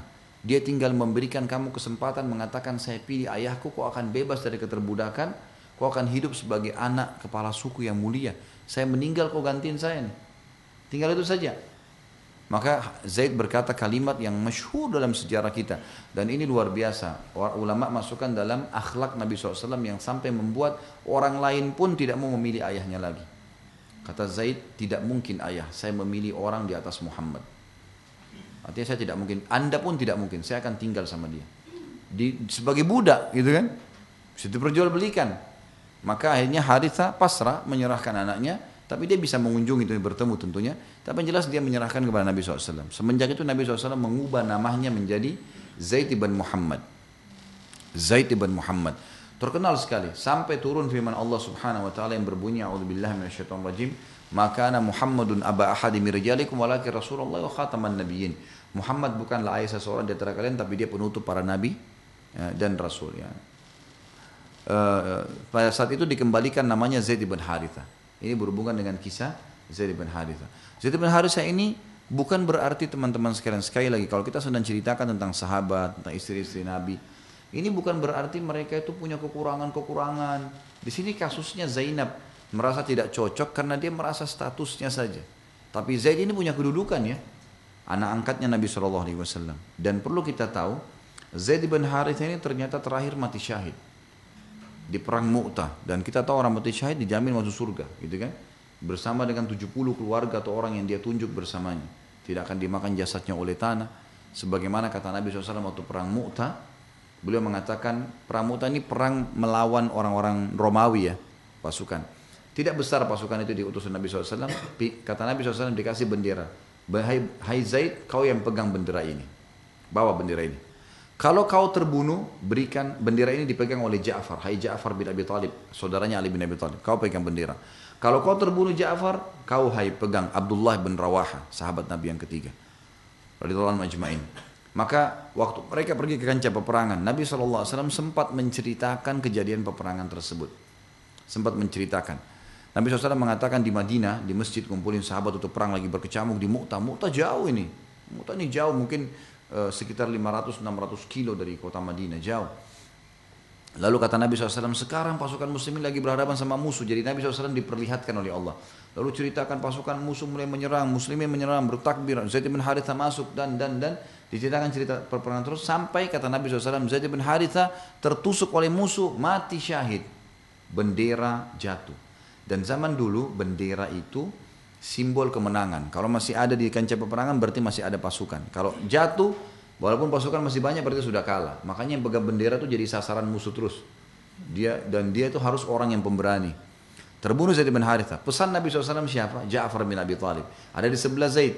Ja'far pun mengambil bendera lalu dia masuk menerobos musuh. Dia menyerang, dia membunuh dan dan dan sampai akhirnya ada satu musuh datang memotong tangan kanannya Ja'far. Putus. Lalu dia pegang dengan tangan kirinya bendera. Dipotong lagi sama musuh. Putus lagi. Berdarah. Lalu kemudian dia pegang dengan sisa tangannya. Lalu musuh datang menusuk dadahnya dan akhirnya Ja'far meninggal mati syahid. Di sebelahnya ada Abdullah bin Rawaha, sahabat yang ketiga. Abdullah tuh lihat kasus terbunuhnya Ja'far, ini ngeri juga nih, tangannya terputus. Artinya kalau saya pegang bendera, bisa nasib saya seperti itu, lebih parah dari itu kan. Dia motivasi dirinya, sejenak sebelum ambil bendera, wahai Abdullah tinggal satu langkah, ambil bendera itu, serang musuh, kau mati masuk surga nih. Lalu dia takbir, Allahu Akbar, diambil bendera dia masuk sampai dia terbunuh. Kata Nabi SAW, teman kalian tiga orang ini, sekarang Allah siapkan di surga singgasana yang mewah dan besar. Zaid bin Haritha dengan Ja'far bin Abi Talib Allah berikan singgasana yang besar penuh dengan permata kakinya empat. Abdullah bin Rawaha dikasih singgasana oleh Allah lebih kecil, permatanya lebih sedikit, kakinya cuma tiga. Kata para sahabat ya Rasulullah, apa bedanya? Kok bisa Allah bedain? Tiga-tiganya pemimpin muslimin, tiga-tiganya juga mati syahid gitu kan. Kata Nabi SAW, karena Abdullah sempat ragu sejenak. Hanya itu. Ini orang miskin, kasih nggak ya? Nah, ini beda dengan orang langsung kasih gitu kan. Azan, langsung sholat nggak ya? Atau sebentar, itu lain. Segera dalam mengerjakan amal sholat itu lain. Gara-gara ragu tadi sedikit, sehingga sananya lebih sedikit. Tapi yang kita bahas adalah Zaid bin Harith mati syahid. Jadi bukan berarti Zainab mengajukan perceraian. Kemudian dianggap Zaid buruk, bukan. Karena perasaan Zainab yang terus dihantui dengan status bekas budak itu. Itu saja. Dan Allah subhanahu wa ta'ala ingin mengeluarkan sebuah hukum di sini Bapak Ibu sekalian. Bahwasanya seseorang boleh menikahi mantan istri anak angkatnya. Ini hukum. Misal saya angkat anak angkat laki-laki. Sampai dia balik, saya biayain segala sampai dia sekolah, kemudian dia menikah cerai sama istrinya. Istrinya itu ya, itu bisa nikah dengan saya. Kalau dia cerai. Karena anak angkat, beda anak mantu langsung ya. Itu mahram. Lain. Semua yang sudah pernah menjadi pasangan orang tua kita atau menjadi pasangan kita, pasangan orang tua haram abadi buat kita, pasangan kita haram abadi buat orang tua kita. Bisa ditangkap? Anak mantu sama mertua ini dua-duanya mahram abadi nih nggak boleh lagi menikah dengan kita gitu kan? Jadi harus digarisbawahi. Nah, ini pelajaran yang lain. Allah subhanahu pelajaran yang lain juga di sini diambil dari surah Al-Ahzab 37 tadi adalah Allah subhanahu wa ta'ala yang menikahkan langsung Nabi SAW dengan Zainab. Kan kita kalau akad nikah itu harus ada akad nikah ya harus ada saksi ada mahar kan gitu ya. Tapi ini tidak berlaku pada pernikahan Nabi Muhammad SAW itu berlaku bagi kita. Bagi uh, umat Nabi Muhammad SAW tidak uh, bagi Nabi SAW tidak berlaku ini. Tidak berlaku. Di sini dikatakan salah satu kekhususannya bahwa Allah Taala yang menjadi walinya yang menikahkannya dengan Rasulnya dari atas langit. Jadi Zainab Allah Subhanahu Wa Taala yang langsung nikahkan begitu selesai perceraian dengan Zaid kami nikahkan kau hai Muhammad jadi Nabi SAW tidak melalui akad nikah langsung jadi istrinya karena Allah yang menikahkannya dari langit. Ia meninggal pada awal masa kekhalifahan Umar bin Khattab radhiyallahu anhu. Awalnya ia menjadi istri Zaid bin Haritha. Dulunya Rasulullah SAW menjadikan Zaid sebagai anak angkat. Tak kala Zaid menceraikannya, Allah menikahkan Rasulullah SAW dengan Zainab agar menjadi contoh bagi umatnya mengenai menikah dengan istri anak angkat. Mantan istri anak angkat. Ini pelajaran. Kita masuk ke yang ke-8, istri Nabi SAW yang ke-8. Ini adalah uh, Juwairiyah bintil Harith bin Dirar Al-Mustaliqiyah. Mustaliqiyah suku Mustaliqiyah. Ia salah satu tawanan Bani Mustaliq. Ia datang untuk meminta tolong kepada Nabi SAW untuk membebaskannya. Maka beliau membebaskan dan menikahinya. Juwairiyah punya suku namanya Mustaliq. Suku Mustaliq ini, ini salah satu peperangan yang unik di zaman Nabi SAW karena Nabi SAW menyerang Mustalik waktu itu, mengepung mereka, tapi dalam hitungan beberapa hari saja Bani Mustalik kalah. Kemudian Nabi SAW menjadikan mengepung mereka dan menjadikan mereka sebagai harta rampasan perang. Salah satu yang menjadi harta rampasan perang adalah Juwairiyah. Juwairiyah adalah anaknya kepala suku. Al Harith ini kepala sukunya. Lalu oleh Nabi SAW setelah dibebaskan, Nabi SAW menikahinya. Dia bilang, hai ya Rasul, hai Muhammad, bebaskan saya. Saya anak kepala suku. Gitu. Maka Nabi SAW mengatakan, baiklah, kau bebas. Lalu dia pun ya menawarkan diri untuk menikah dengan Nabi SAW, maka Nabi SAW menikahinya. Setelah dinikahi, Juwairiyah, kan satu sukunya tadi ini, satu sukunya jadi tawanan perang, gitu kan? Banyak ini. Ini ratusan, bahkan bisa sampai ribuan orang Semuanya jadi tawanan. Menjadi ghanimanya sahabat-sahabat. Jadi menjadi budak-budaknya sahabat. Waktu Nabi SAW menikahi Juwairiyah, maka pada saat itulah ya seluruh sahabat membebaskan budak-budak mereka. Mengatakan kami akan bebaskan seluruh kerabat istri Nabi SAW. Jadi akhirnya satu suku bebas dari keterbudakan gara-gara menikahnya Nabi SAW dengan Juwairiyah ini. Kemudian yang kesembilan, beliau menikahi Ummu Habibah radhiyallahu anha namanya adalah Ramlah binti Abi Sufyan Sakhr bin Harb Al-Qurashi Al-Umawi. Konon namanya Hindun. Beliau menikahinya saat ia berada di Habasyah sebagai wanita yang hijrah dan Raja Najasyi yang memberikan mahar kepadanya atas nama Nabi Muhammad SAW sebanyak 400, 400 dinar. Setelah itu Ummu Habibah dikirimkan kepada Nabi SAW dari sana. Ia meninggal pada masa pemerintahan saudaranya Muawiyah. Inilah yang dikenal secara mutawatir oleh ahli sirah dan ahli sejarah. Pernikahan ini bagi mereka setara pernikahan Nabi SAW dengan Khadijah di Mekah, Hafsah di Madinah dan Sofia setelah kejadian Khaybar. Ummu Habibah namanya Ramlah. Ramlah ini anak daripada Abu Sofyan. Siapa Abu Sofyan? Rajanya Mekah dulu, gitu kan? yang memimpin peperangan banyak, tapi setelah pembebasan kota Mekah, Abu Sufyan masuk Islam. Istrinya Abu Sufyan bernama Hindun. Hindun ini dulu yang pernah menyuruh budaknya untuk membunuh paman Nabi Hamzah di perang Uhud. Tahu kisahnya kan? Ya, jadi Hindun ini istri Abu Sufyan yang pernah menyuruh budaknya untuk membunuh paman Nabi SAW Hamzah di perang Uhud. Yang jelas pada saat pembebasan kota Mekah Abu Sufyan masuk Islam bersama dengan istrinya Hindun gitu kan. Tetapi jauh sebelum itu anaknya dia bernama Ummu Habibah Ramlah ini pernah berada di Ethiopia. Suaminya nggak mau masuk Islam. Suaminya nggak mau masuk Islam. Maka kalau laki-laki bertahan dalam keadaan kufur, nggak boleh si perempuan berkumpul sampai si suami itu syahadat. Kalau nggak dihitung berzina, nggak boleh dihitung berzina. Hati-hati. Ada dosa-dosa zina yang kadang-kadang orang tidak sadar ini. Di antaranya dosa zina yang orang tidak sadar adalah dia menikah dengan non muslim. Muslimah menikah dengan muslim, eh, apa, kafir laki-laki. Ini jelas batal pernikahan, dianggap zina. Sama juga yang banyak orang tidak tahu, hadis Nabi SAW yang berbunyi, siapa yang niat, niat, ya, menikahi seorang wanita untuk menipunya, Misal dia menjanjikan nih, dia bilang, saya nanti kalau nikah sama kamu saya akan berikan kamu mahar ini, saya akan berikan kamu rumah, saya akan berikan kamu mobil. Padahal dusta semua nih. Dan Allah tahu dia dusta. Kemudian si wanita tadi menyerahkan dirinya sehingga terhalalkan kemaluannya. Maka dia di sisi Allah pendusta, si laki-laki itu. Dan dia akan dibangkitkan hari kiamat sebagai pezina. Karena masalah itu. Ini kadang-kadang orang tidak tahu dia sedang berzina tuh. Istrinya nggak nggak salah, istrinya nggak salah.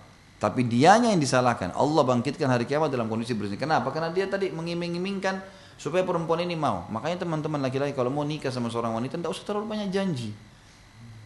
Saya begini saya mau nikah. Apa kau bisa belikan saya mobil? Allahu alam. Bilang dari awal. Kalau Allah kasih rezeki saya akan beli. Kita pakai sama-sama. Tapi kalau dari sekarang enggak. Saya tidak janjikan apa-apa. Harus diketahui ya. Ini poin-poin dasar yang harus diketahui. Dari kasus Ummu Habibah ini kita ambil pelajaran yang pertama adalah dia cerai sama suaminya yang kafir. Terputuskan secara otomatis ya. Sampai suaminya itu masuk Islam. Kalau ada wanita yang seperti ini keadaannya, misal suaminya dalam keadaan kafir, dia masuk Islam, suaminya nggak mau. Lalu mereka pisah tempat, kan begitu. Kalau ada seorang muslim laki-laki mau menikahi si wanita tadi, boleh dalam Islam. Syaratnya adalah dia mengembalikan maharnya si laki-laki itu. Misal laki-laki itu pernah memberikan satu juta rupiah. Dia bayar satu juta ke laki-laki kafir itu. Karena memang sudah terceraikan nih. Dikembalikan ke sana. Dia terima tidak terima itu bukan urusan dia. Pokoknya dia kafir, kita kembalikan di sana maharnya perempuan ini sudah boleh dinikahi secara syar'i gitu kan seperti itu ini hukum syar'inya begitu ya yang kita ambil Ummu Habibah kejadiannya sama jadi pada saat itu suaminya nggak mau masuk Islam maka terpisahkan dan Ummu Habibah hijrah ke Habasyah Ethiopia waktu itu ada raja di sana namanya Najasyi Najasyi ini teman-teman adalah julukan untuk raja Ethiopia julukan untuk raja Ethiopia jadi e, seperti misalnya Persia itu julukan rajanya uh, uh, Kisra. Kalau Romawi Kaisar, ya, Yaman Tubba. Ada Quran mengatakan wa Tubba dan kaum Tubba. Mesir Firaun. Ethiopia Afrika itu tuh Najasyi. Tapi ini julukan umum ya. Kayak kita sekarang predikat presiden Indonesia. Nanti namanya setiap presiden ada lagi.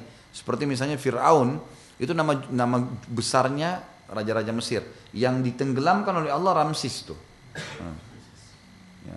Dia yang ditenggelamkan. Jadi dia masuk dalam kategori Fir'aun.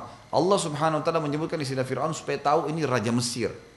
Kalau namanya disebut Ramses mungkin ada nama raja lain namanya Ramses gitu kan. Allah sebutkan secara global. Nah Najasyi ini teman-teman sekalian dulu seorang pastor Kristen. Dia hafal Injil dan dia tahu betul agamanya. Ini panjang lebar saya sampaikan kisahnya di Sirah. Kalau diikuti di YouTube ada Sirah Nabawiyah bagaimana waktu hijrahnya para sahabat ke sana. Yang jelas dia sempat didatang dia sempat didatangi oleh Ja'far bin Abi Talib, sahabat Nabi tadi, saudaranya Ali bin Abi Talib yang sudah masuk Islam. Kemudian dengan beberapa sahabat hijrah termasuk Ummu Habibah ikut karena ayahnya Abu Sufyan, ibunya Hindun tidak ada yang masuk Islam, suaminya juga tidak mau, saudara-saudaranya banyak yang tidak mau gitu. Dia pergi ke sana. Pada saat itu uh, Nabi SAW mengatakan kepada sahabat di, di Mekah, Kalian boleh hijrah ke Habasyah, pergi ke Ethiopia itu. Tidak ada tempat lain. Itu yang Allah izinkan. Karena di sana ada raja yang baik, beragama Kristen, dia adil. Orangnya adil, dia baik. Kalau benar-benar salah-salah, gitu kan. Pergilah ke sana. Mereka pergi ke sana. Lalu mereka menyampaikan salam Nabi SAW, tapi waktu itu Najasyi belum tahu nih siapa Nabi ini, gitu kan. Cuma minta perlindungan, karena di Mekah ditindas. Dilindungilah sama Najasyi. Orang-orang Quraisy dengar nih, ternyata Para sahabat sudah tiba di Ethiopia. Ini bahaya nanti bisa susun pasukan nih, bisa nyerang Mekah. Diutuslah Amr bin As. Waktu itu belum masuk Islam. Dia ini seperti diplomatiknya orang-orang Quraisy, ahli bahasa, ngunjungin, tahu tradisi raja-raja gitu kan. Dia datangin Ethiopia dan dia tahu orang-orang Ethiopia karena di sana kalau musim dingin-dingin paling suka dan paling gemar dengan jaket-jaket yang terbuat dari kulit, jubah-jubah dari kulit. Maka dia mampir ke negeri Syam sebelum eh, ke Ethiopia dia beli jubah-jubah yang berkulit kemudian dikirimkan ke dibawa ke sana. Ringkas cerita Amr bin As ketemu dengan Najasyi lalu berkata, "Wahai Najasyi, ini yang ada sama Anda ini masyarakat Mekah kami, ini masyarakat penjahat semua nih. Kembalikan pada kami, nanti kami yang urus daripada nyusahin Anda, Anda harus biaya makannya segala, lebih baik kembalikan kepada kami." Di sini bentuk keadilan Najasyi Najasyi mengatakan, "Saya harus dengar dari mereka juga." Bukan spontan kau bawa hadiah kemudian tiba-tiba saya mau terima itu. Jadi dibawakan banyak hadiah dari Quraisy termasuk jubah-jubah kulit, perak, emas dan segalanya. Lalu kata Najasyi keluarkan, datangkan orang-orang yang muslim itu, didatangkan. Lalu kemudian ditanya oleh Najasyi, apa masalah kalian? Kata Ja'far bin Abi Thalib juru bicaranya, kami dulu kaum yang buruk sekali wahai raja Najasyi. Kami dulu makan bangkai, perempuan kami boleh bergaul sama laki-laki sembarangan. Karena dulu di zaman Quraisy itu kalau ada orang yang kuat, gagah, itu disuruh istrinya tidur sama laki-laki itu. Supaya dapat gennya, supaya dapat anak yang seperti itu. Kebodohan. Kami dulu makan bangkai, kami dulu e, memutuskan silaturahim, kami menyerang satu sama yang lain, yang kuat menindas yang lemah dan seterusnya. Setelah itu Allah mengutus kepada kami tu nabi yang bernama Muhammad dan nabi ini ya mengajarkan kami untuk silaturahim, untuk tidak memakan bangkai, tidak mengganggu orang lain, tidak boleh menyembah berhala dan dan seterusnya diceritakanlah. Lalu Najasyi waktu dengar itu tersentuh. Dia bilang coba ceritakan lebih jauh tentang nabi kalian itu. Diceritakan oleh Ja'far bin Abi Thalib banyak sekali. Waktu itu Najasyi mengatakan, apa yang kamu sampaikan ini ya sama sekali tidak ada salahnya. Dan ini agama agama langit nih gitu kan? Hai Amr bin As saya tidak akan kasih kalian mereka kepada kalian. Tidak bisa tidak kasih mereka kepada kamu. Tidak mungkin. Saya harus adil gitu kan? Amr bin As pun pergi menghadapi pendeta-pendeta dan pastor lalu berkata kepada mereka itu ya yang kalian sedang naungin tuh orang-orang yang menghina Isa. Menghina Isa mereka bukan mengatakan Isa anak Tuhan. Coba tanyakan kepada mereka. Lalu mereka kumpul sama Najasyi, pendeta-pendeta lalu kumpul lalu mengatakan, nih yang kita kumpulin tuh orang-orang yang membenci Isa tuh. Buktinya Amr bin As mengatakan begini. Ya. Baik, dipanggil lagi kembali yang kedua kali. Ditanya lagi, apakah benar begini, apakah benar begini. Kata Ja'far bin Abi Talib, sama sekali kami tidak mengatakan seperti apa yang mereka katakan. Kami tidak menghina Isa. Tapi kami mengatakan Isa adalah hamba Allah dan Rasulnya dan bukan anak Allah. Pastor dan pendeta tidak terima. Lalu Najasyi mengatakan, mengambil sebuah kayu, mengangkat lalu mengatakan, Demi Allah, apa yang kalian yakini dengan yang Isa ajarkan kepada kami tidak ada bedanya. Seperti satu batang kayu ini antara atas dan bawahnya. Ini sama nih, satu rumpun nih. Ini agama yang benar. Lalu waktu dibacakan surah Maryam, nangis Najasyi waktu itu. Ada dijelaskan dalam surah Maryam tentang proses Maryam alaihissalam hamil suci tanpa ada sperma laki-laki. Ringkas cerita, para pendeta dan pastor ini akhirnya jadi marah dengan Najasyi ribut di antara mereka. Ribut di antara mereka dan sempat terjadi keributan besar, gitu kan. Terjadi peperangan. Sepupu Najasyi, pendeta juga bentuk pasukan, Najasyi juga bentuk pasukan, lalu mereka berperang. Waktu perang ini, sahabat-sahabat Nabi disuruh tinggal di pinggiran Laut Merah, menunggu gitu kan. Waktu itu Zubair bin Awam juga ada. Zubair bin Awam pun akhirnya sempat memantau peperangan dan menyampaikan kepada orang beriman kalau sudah selesai peperangan dan Najasyi menang. Pendeta masih tidak terima, maka Najasyi kumpul sama mereka lalu berkata, ada masalah apa dengan kalian? Kebetulan waktu itu Najasyi sudah syahadat masuk Islam di tangan Ja'far bin Abi Thalib, tapi diam-diam. Lalu dia mengambil lembaran Al-Quran yang ada surah Maryam, dimasukkan ke dalam dadahnya, jubahnya. Lalu kemudian ditutup. Lalu Najasyi kumpul sama pendeta. Kenapa kalian ada masalah apa? Dia bilang kau sudah murtad nih. Ngapain kamu mengatakan Isa itu bukan anak Tuhan? Selama ini kita yakin Isa anak Tuhan. Bagaimana bisa? Ibutlah cekcok dan seterusnya.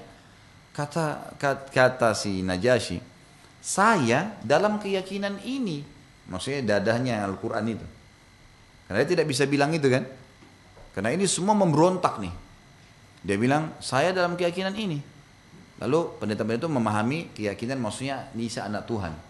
Mulailah mereka akhirnya menjadi tenang dan Najasyi menyembunyikan Islamnya. Sampai Najasyi meninggal tidak diiklankan Islamnya, gitu kan? Tidak diiklankan Islamnya. Tetapi perlu kita garis bawahi, di sini pelajaran juga Najasyi boleh menyembunyikan Islam kalau ada mudarat yang besar. Itu pertama. Yang kedua, Najasyi ini pada saat meninggal disolati secara gaib oleh Nabi Shallallahu Alaihi Wasallam. Dan keluar hukum di sini ternyata sholat gaib itu hanya dilakukan kalau tidak ada muslim yang sholati. Ini perlu digarisbawahi. Banyak orang tidak paham nih. Kayak kita ada yang meninggal, sudah disolati misalnya di Surabaya, di Indonesia, seluruh Indonesia sholatin karena tokoh masyarakat. Ini keliru. Mestinya disolatin kalau tidak ada yang sholatin. Beranjak daripada riwayat Najasyi, waktu dia meninggal, sudah nggak ada sahabat lagi di sana tuh. Sudah nggak ada sahabat, sahabat sudah hijrah ke Madinah semua. Baru Najasyi meninggal, sampai berita kepada Nabi SAW, Nabi SAW sholat gaib di Madinah. Itu pelajaran. Yang ketiga ini jadi saksi bahasan kita. Waktu Najasyi masuk Islam dan dia sudah mulai setiap hari kumpul dengan para kaum muslimin, dia menjadi bagian dari mereka gitu kan. Selalu mengirim salam untuk Nabi SAW, mengirim hadiah ke Madinah dan seterusnya.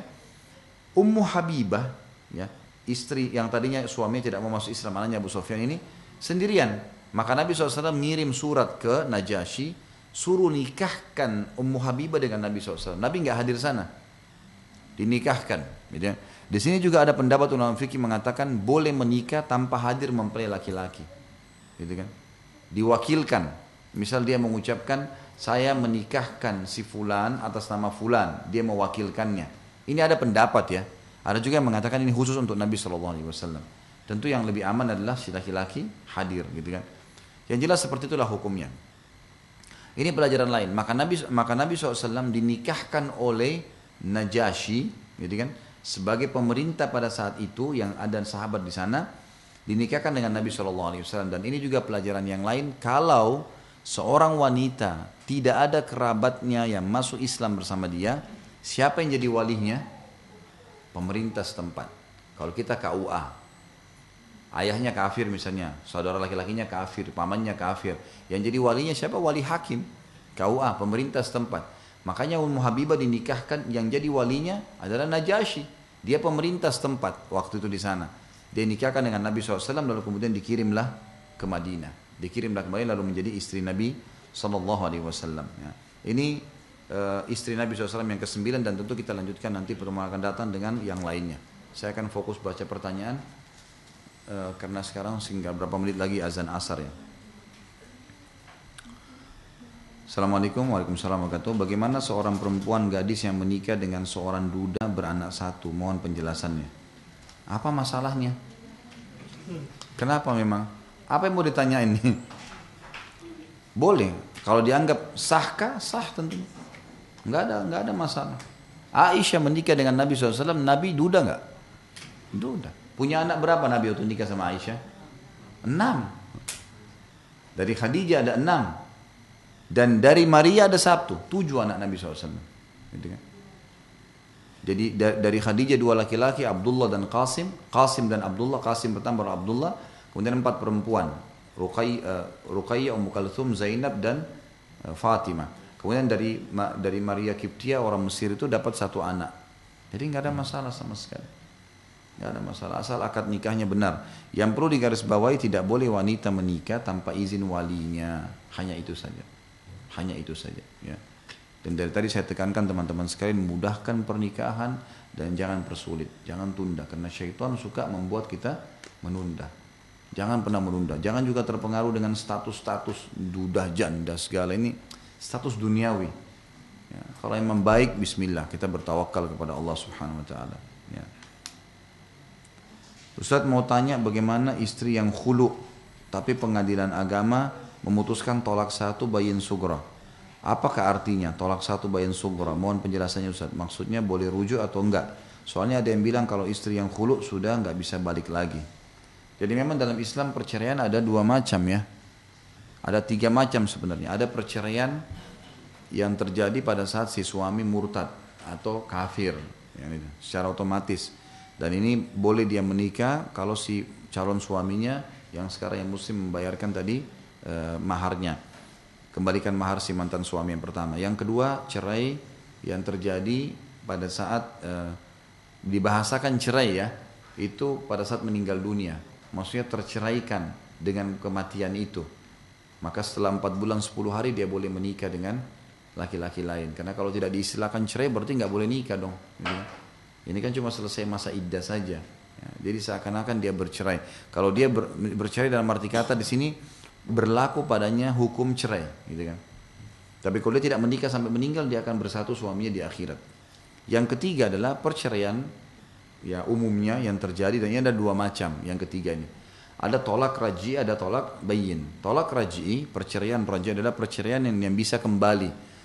Raji diambil dari seperti sama dengan rujuk rujuk ya kembali raji itu kalau di, sampai dua kali diucapkan. Seorang laki-laki mengatakan saya ceraikan kamu sekali, saya ceraikan kamu dua, maka itu masih bisa rujuk. Tapi kalau sudah yang dia ucapkan yang ketiga saya ceraikan kamu, sudah yang ketiga ini sudah nggak boleh. Namanya tolak bayin. Bayin adalah tolak cerai yang tidak boleh kembali lagi, sudah nggak bisa. Kecuali si perempuan tadi nikah sama nikah sama laki-laki lain, lalu berjalan normal sampai dia cerai normal, cerai lagi sama sama suami yang keduanya terbuka variabel kembali kepada mantan suami pertama. Makanya jangan main-main dengan perceraian, nggak boleh. Kata Nabi SAW, jangan main-main di tiga hal. Pernikahan, perceraian, dan rujuk. Nggak boleh main-main nih, gitu kan. Nggak boleh misalnya saya bilang sama teman saya, anak saya perempuan dan adik laki-laki, nanti kita nikahkan ya anak kita. Kalau dia bilang iya, itu kata Nabi SAW wajibat. Itu harus disampaikan ke anak-anak kalau besar, dulu kau pernah dijodohkan loh ya. Kalau dia bilang saya nggak mau ayah, ya sudah, dia sudah batal. Makanya jangan tawar-tawarin anak, ini nggak perlu. Ya, tadi tawarkan diri lain. Ini kalau anak nggak boleh karena terkena hukum. Nggak boleh juga main-main dengan cerai. Saya ceraikan kamu, saya ceraikan kamu. Kau kalau pulang ke rumah ibu kamu, saya ceraikan. Gitu kan. Dan seterusnya nggak boleh main-main. Ini masalah halal atau haramnya kemaluannya istrinya gimana? Ibu-ibu juga gitu, nggak boleh mudah mancing emosi. Ceraikan saya, saya ceraikan saya. Hanya karena tidak beli baju, hanya karena lupa diantar ke pasar. Ini apa ya? Nggak maksud diakal semua. Pernikahan itu adalah ibadah. Ibadah sifatnya abadi. Harus selamanya. Kita niatkan begitu. Jangan setengah-setengah. Gitu ya. Dan juga masalah yang ketiga, rujuk kembali selama masa masa dua kali cerai kalau belum lewat tiga bulan eh, maka tiga kali masa haid boleh kembali tanpa akad nikah dengan baikan dengan sentuhan dan seterusnya sudah kembali lewat dari itu maka harusnya dia ya apa namanya nikah baru itu tolak nomor tiga cerai yang umum terjadi tapi ada dua macam ada tolak raji tolak bayin. Tolak raji sudah saya jelaskan tadi bisa kembali kalau dua kali. Tolak bayin adalah tidak boleh kembali lagi. Kalau ya si istri ini uh, sudah tiga kali diceraikan kecuali dia nikah dan dia cerai sama suaminya baru dia bisa kembali. Ini tolak uh, bayin namanya. Nah sekarang pertanyaannya kenapa kalau kita ajukan di pengadilan Indonesia ada uh, ada peraturan pemerintah hakim mengeluarkan tolak bayin sugro apakah itu boleh kembali nah di sini memang khusus masalah ini hulu namanya ya Khulu itu perempuan yang sudah tidak mau sama suaminya, dia yang ngajukan di pengadilan. Nih, saya ngajukan suami saya karena satu, dua, tiga, empat, lima, dusta, bohong, apalah e, mukul saya, tidak kasih nafkah, apalah disebutin sama dia alasannya. Nanti si hakim akan memberikan surat kepada si laki-laki. Dipanggil nih si laki-laki datang. Setelah datang, ini loh surat suami istrimu. Jawab ya dalam bentuk tulisan. Si hakimnya nggak nggak buat mereka ribut, nggak. Jadi ini datang di ruangan bersama-sama hakimnya ada. Ini surat keluhan. Suami bilang begini nih. Eh, si istri bilang begini. Jawab ya, jawab. Janjian dua minggu lagi misalnya, tanggal sekian. Maka pulanglah si suami diketik sama dia dibalas. Saya, saya tidak begini alasannya ini, ini buktinya ini, ini, ini. Nanti begitu datang, hakimnya juga cuma ambil. Nih, balasan suami kamu. Terus dikasih mereka balas-balasan di sini sampai nanti hakim akan mengambil sebuah kesimpulan. Kalau hakim ternyata dengan surat-surat yang masuk, data-data yang masuk, tahu kalau suami ini benar zalim, memang betul dia pemabuk, memang betul dia suka mukul, maka akan dikeluarkan surat tolak bayin kubra. Cerai besar. Bayin, udah nggak bisa kembali. Karena kalau kembali perempuan ini memang berbahaya, kesian. Tapi kalau ternyata dari surat-surat ini ditemukan perempuan ini memang dasarnya tidak benar, Memang dianya karena sudah suka laki-laki lain lah, memang karena dia beginilah, begitulah, karena merasa perlu punya mobil suaminya belum bisa belikan. Hakim temukan memang si perempuan ini yang iseng nih, gitu kan? Maka dikeluarkan tolak bayin sugro. Surat cerai bayin tapi sugro. Ini masih bisa rujuk, masih bisa kembali, gitu kan? Masih bisa kembali. Itu yang dimaksud dengan tolak bayin tadi sugro itu. Apakah anak angkat atau adopsi itu akan jadi mahram bagi orang tua angkatnya? Seperti anak angkat perempuan, apakah masih boleh bersalaman dengan ayah angkatnya sedangkan uh, bukan ayah kandung? Jazakallah khair. Tidak boleh. Anak angkat tetap bukan mahram. Kecuali kalau sempat disusui oleh si ibu itu. Gitu kan? Itu lain. Ya. Itu lain. Jadi ada pendapat ulama yang mengatakan kasus pernah ada sahabat bernama Salim. Salim ini budak dia, laki-laki, dibeli oleh Hudzaifah bin Yaman, Abu Hudzaifah, ya, Hudzaifah bin Yaman. Hudzaifah ini radhiyallahu anhu uh, punya istri, sudah sangat sayang sama Salim karena dari kecil. digendong-gendong, dibawa ke mana-mana, justru kayak anaknya sendiri. Pas balik, gitu kan? Mengeluhlah si perempuan ini kepada Nabi SAW mengatakan, Ya Rasulullah, ini Salim, saya bukan anak saya, budak dibeli oleh Huzaifah. Lalu sekarang sudah tinggal sama kami, dia bisa dia biasa lihat baju rumah saya, dia tidak tutup aurat dan seterusnya ini sudah kayak anak saya sendiri. Gimana? Kata Nabi SAW, susuilah dia, gitu kan? Maka dia menjadi mahrammu. Di sini maksudnya susui dia adalah kebetulan si wanita ini, walaupun ini si laki-laki Salim sudah balik, Kebetulan dia masih punya anak kecil yang dia lagi susuin. Maka oleh Nabi SAW disuruh dikasih di wadah asinya, dikasih kepada anak yang sudah balik tadi. Diminum oleh dia. Sampai dia kenyang. gitu kan? Karena kata Nabi SAW, pengharaman susu itu dengan hilangnya rasa lapar. Hilangnya rasa lapar, gitu kan? Ada yang mengatakan riwayat ini khusus untuk salim. Yang lain tidak boleh, gitu kan? Tapi ini umum pendapat. Ada pendapat lain mengatakan tidak. Jadi anak-anak angkat kalaupun sudah dewasa, maka kalau si perempuan memang masih punya asi, kebetulan dia punya anak bayi misalnya, karena kan ada orang begitu ya. Mungkin dia awal nikah umur 17 18 tahun, suaminya sudah anak ambil anak angkat gitu kan. Kemudian ternyata e, seperti ponakannya suaminya, misal ya. Ponakan suami kan bukan mahramnya dia ya. Istri paman atau suami tante, gitu kan? Istri ponakan dan suami ponakan bukan mahram tuh. Perlu dikasih bawah ya. Jangan bilang oh, ini kena ponakan saya nggak bisa. Pasangan ponakan bukan pas, bukan mahram kita. Begitu pula dengan yang tadi saya bilang paman dan tante. Banyak orang bilang oh ini tante saya dia salaman, bukan padahal istri pamannya. Kalau pamannya cerai dia bisa nikah tuh. Yang mahram itu istri ayah, suami ibu, nah itu mahram abadi.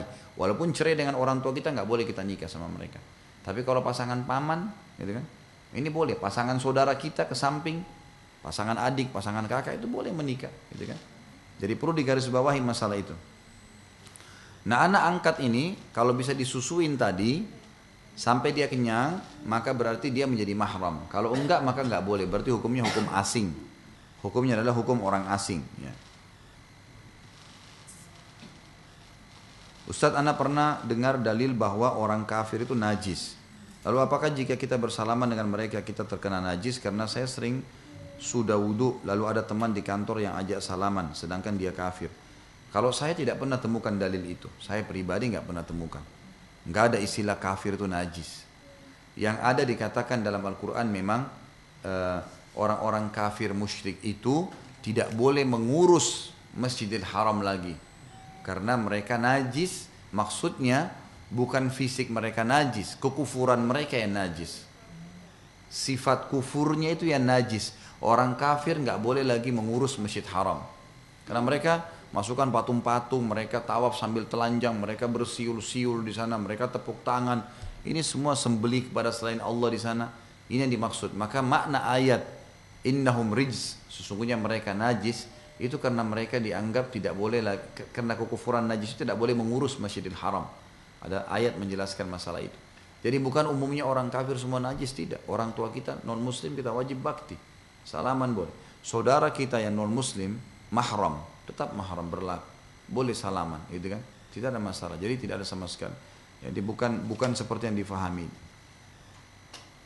Bagaimana jika seorang sudah dikhidbah namun perjanjian kedua belah pihak meminta akad nikahnya ditunda sampai 8 bulan. Apakah boleh ber uh, apa ini ber, berlama saat dikhidbah namun maksudnya apa ini? Apakah boleh apa ini? Berlama saat dikhidbah namun saat dikhidbah bolehkah berbicara dengan laki-laki yang dikhidbah? Bertemu mungkin maksudnya. Apakah boleh bertemu saat dikhidbah? Tentu saja boleh boleh bertemu tapi ada mahram ya. jadi wanita ini duduk dengan ayahnya dengan uh, saudara laki-laki ada harus ada mahramnya gitu ya. duduk kemudian mereka berbicara boleh bertanya boleh laki-laki itu bertanya apa yang dia butuh perempuan itu bertanya apa yang dia butuh tapi tidak boleh berdua-duaan gitu kan bahkan ulama mengatakan masih boleh menggunakan media kayak misalnya surat kalau zaman dulu surat kalau kita sekarang SMS WhatsApp menanyakan dan saya sudah berikan tuh hari kriteria uh, cara gampang untuk mengenal dia kan. Kenali fisik dulu, ada sesuatu yang menarik dari dia yang kita lihat di wajah dan telapak tangan misalnya. Yang kedua kita kenali keluarganya dari sisi jalur ayahnya nanti seperti apa sih poster tubuhnya, warna kulitnya itu semua akan terwariskan. Dari sisi ibu adalah karakter. Dan yang ketiga adalah bagaimana mengenal dia sementara saya nggak jalan sama dia. Saya nggak pacaran, nggak ke bioskop, nggak ke mana-mana, nggak ke rumah makan. Gimana caranya kenali lingkungannya. Dan ini dengan pertanyaan. Maaf ya saya mau tanya, kamu kalau weekend ke mana? Oh saya ke diskotik. Udah bisa tahu belum? Oh, oh saya kalau weekend itu saya ada ibu saya tua saya bakti dengan dia. Oh saya isi pengajian di masjid ini. Kan bisa kita tangkap. Cerita apa adanya itu bisa kita tangkap. Nah ini tidak ada masalah, jadi boleh berbicara. Tapi saya sarankan dari pertanyaan ini jangan lama-lama ini. Ada apa 8 bulan? Masya Allah 8 bulan. Ya kan? Cocok sekarang nikah besok selesai lama-lama. Jadi kan kalaupun harus darurat sekali cari tempat ya seminggu, sebulan itu sudah lama sekali. Kalau meninggal sebelum 8 bulan gimana? Rugilah pahalanya. Padahal itu takdir ikhtiar ya. Nikah itu jangan lupa itu ikhtiar seperti kita pilih makan. Ini makan nih, ah saya enggak, saya pilih bisa makan bisa enggak kan gitu. Kalau saya makan sekarang, saya baca bismillah dapat pahala. Saya enggak makan, saya enggak dapat enggak dapat makanan, enggak dapat pahala bismillahnya misalnya. Ya tergantung. Orang nunda nikah untuk apa? Ikhtiar dia loh itu. Dia yang menundahnya, bukan siapa-siapa. Kalau dia juga bisa nikah pada saat itu kan, dia menunda itu. Makanya tadi kasus Imam Ahmad menikah di malam takziah istrinya. Itu karena kefikihnya dia. Waktu ditanya kenapa dia bilang, saya takut kalau saya juga meninggal malam ini saya meninggal ketemu Allah sementara saya bujangan dan Allah suruh menikah, gitu ya. Seperti itu memahaminya. Jadi jangan lama-lama ini 8 bulan, 10 bulan. Apalagi semoga Allah berikan hidayah. Ada ada satu uh, pegawai saya di restoran, tidak jadi belum jadi menikah sampai sekarang gara-gara orang tua calon mempelai perempuan ini itu punya khurafat keyakinan yang nggak masuk di akal. Harus pilih tanggalnya yang bagus harus begini harus ada sesajen apa macam-macam gitu kan? Sampai saya dudukin dia akhi ambil pelajaran. Bisa saja peringatan dari Allah sebelum ente melangkah ke sana. Kalau kita mau menikah niat baik itu terus mudah itu eh, nanti jadi mudah tuh Allah mudahin tapi kalau sudah ada hambatan-hambatan coba istikharah lagi. Minta petunjuk, jangan cuma karena ada kecenderungan. Supaya kita bisa ambil pelajaran dari situ. Allahu Baik, mungkin begitu dulu insya Allah. Pertanyaan juga sudah habis sampai di sini. Mudah-mudahan apa yang kita bahas pada hari ini bermanfaat buat kita dan juga dijadikan sebagai tambahan amal kita pada hari kiamat.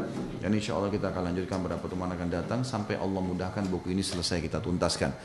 Mungkin begitu dulu, kalau ada benar di Allah, kalau ada saya mohon dimaafkan. Kita mendoakan saudara kita di Palestina, di Syria, di Yaman, di Irak, di mana pun mereka berada. Agar Allah ikhlaskan mereka, terima para syuhada mereka. Juga Allah muliakan Islam di tangan mereka dan tangan kita. Dan Allah partisipasikan kita bersama mereka di pahala. Baik dengan doa dan harta juga dengan jiwa kita. Dan semoga Allah memaafkan semua yang pernah berbuat salah di antara kita. Menyembuhkan semua orang yang sakit. Mengganti kesedihan menjadi kegembiraan dan juga mengampuni seluruh muslimin dan muslimat yang sudah berbuat kesalahan di seluruh muka bumi ini yang hidup juga yang sudah meninggal dunia. Dan semoga Allah menyatukan kita semua di surga firdausnya tanpa hisab di mana yang satukan kita di majelis ilmu yang mulia ini. Kalau benar dari Allah pastinya kalau ada salah dari saya mohon dimaafkan. Itu karena kebodohan dan kesalahan saya. Dan saya beristighfar kepada Allah. Subhanakallahumma wa bihamdika asyhadu an la ilaha illa wassalamualaikum warahmatullahi wabarakatuh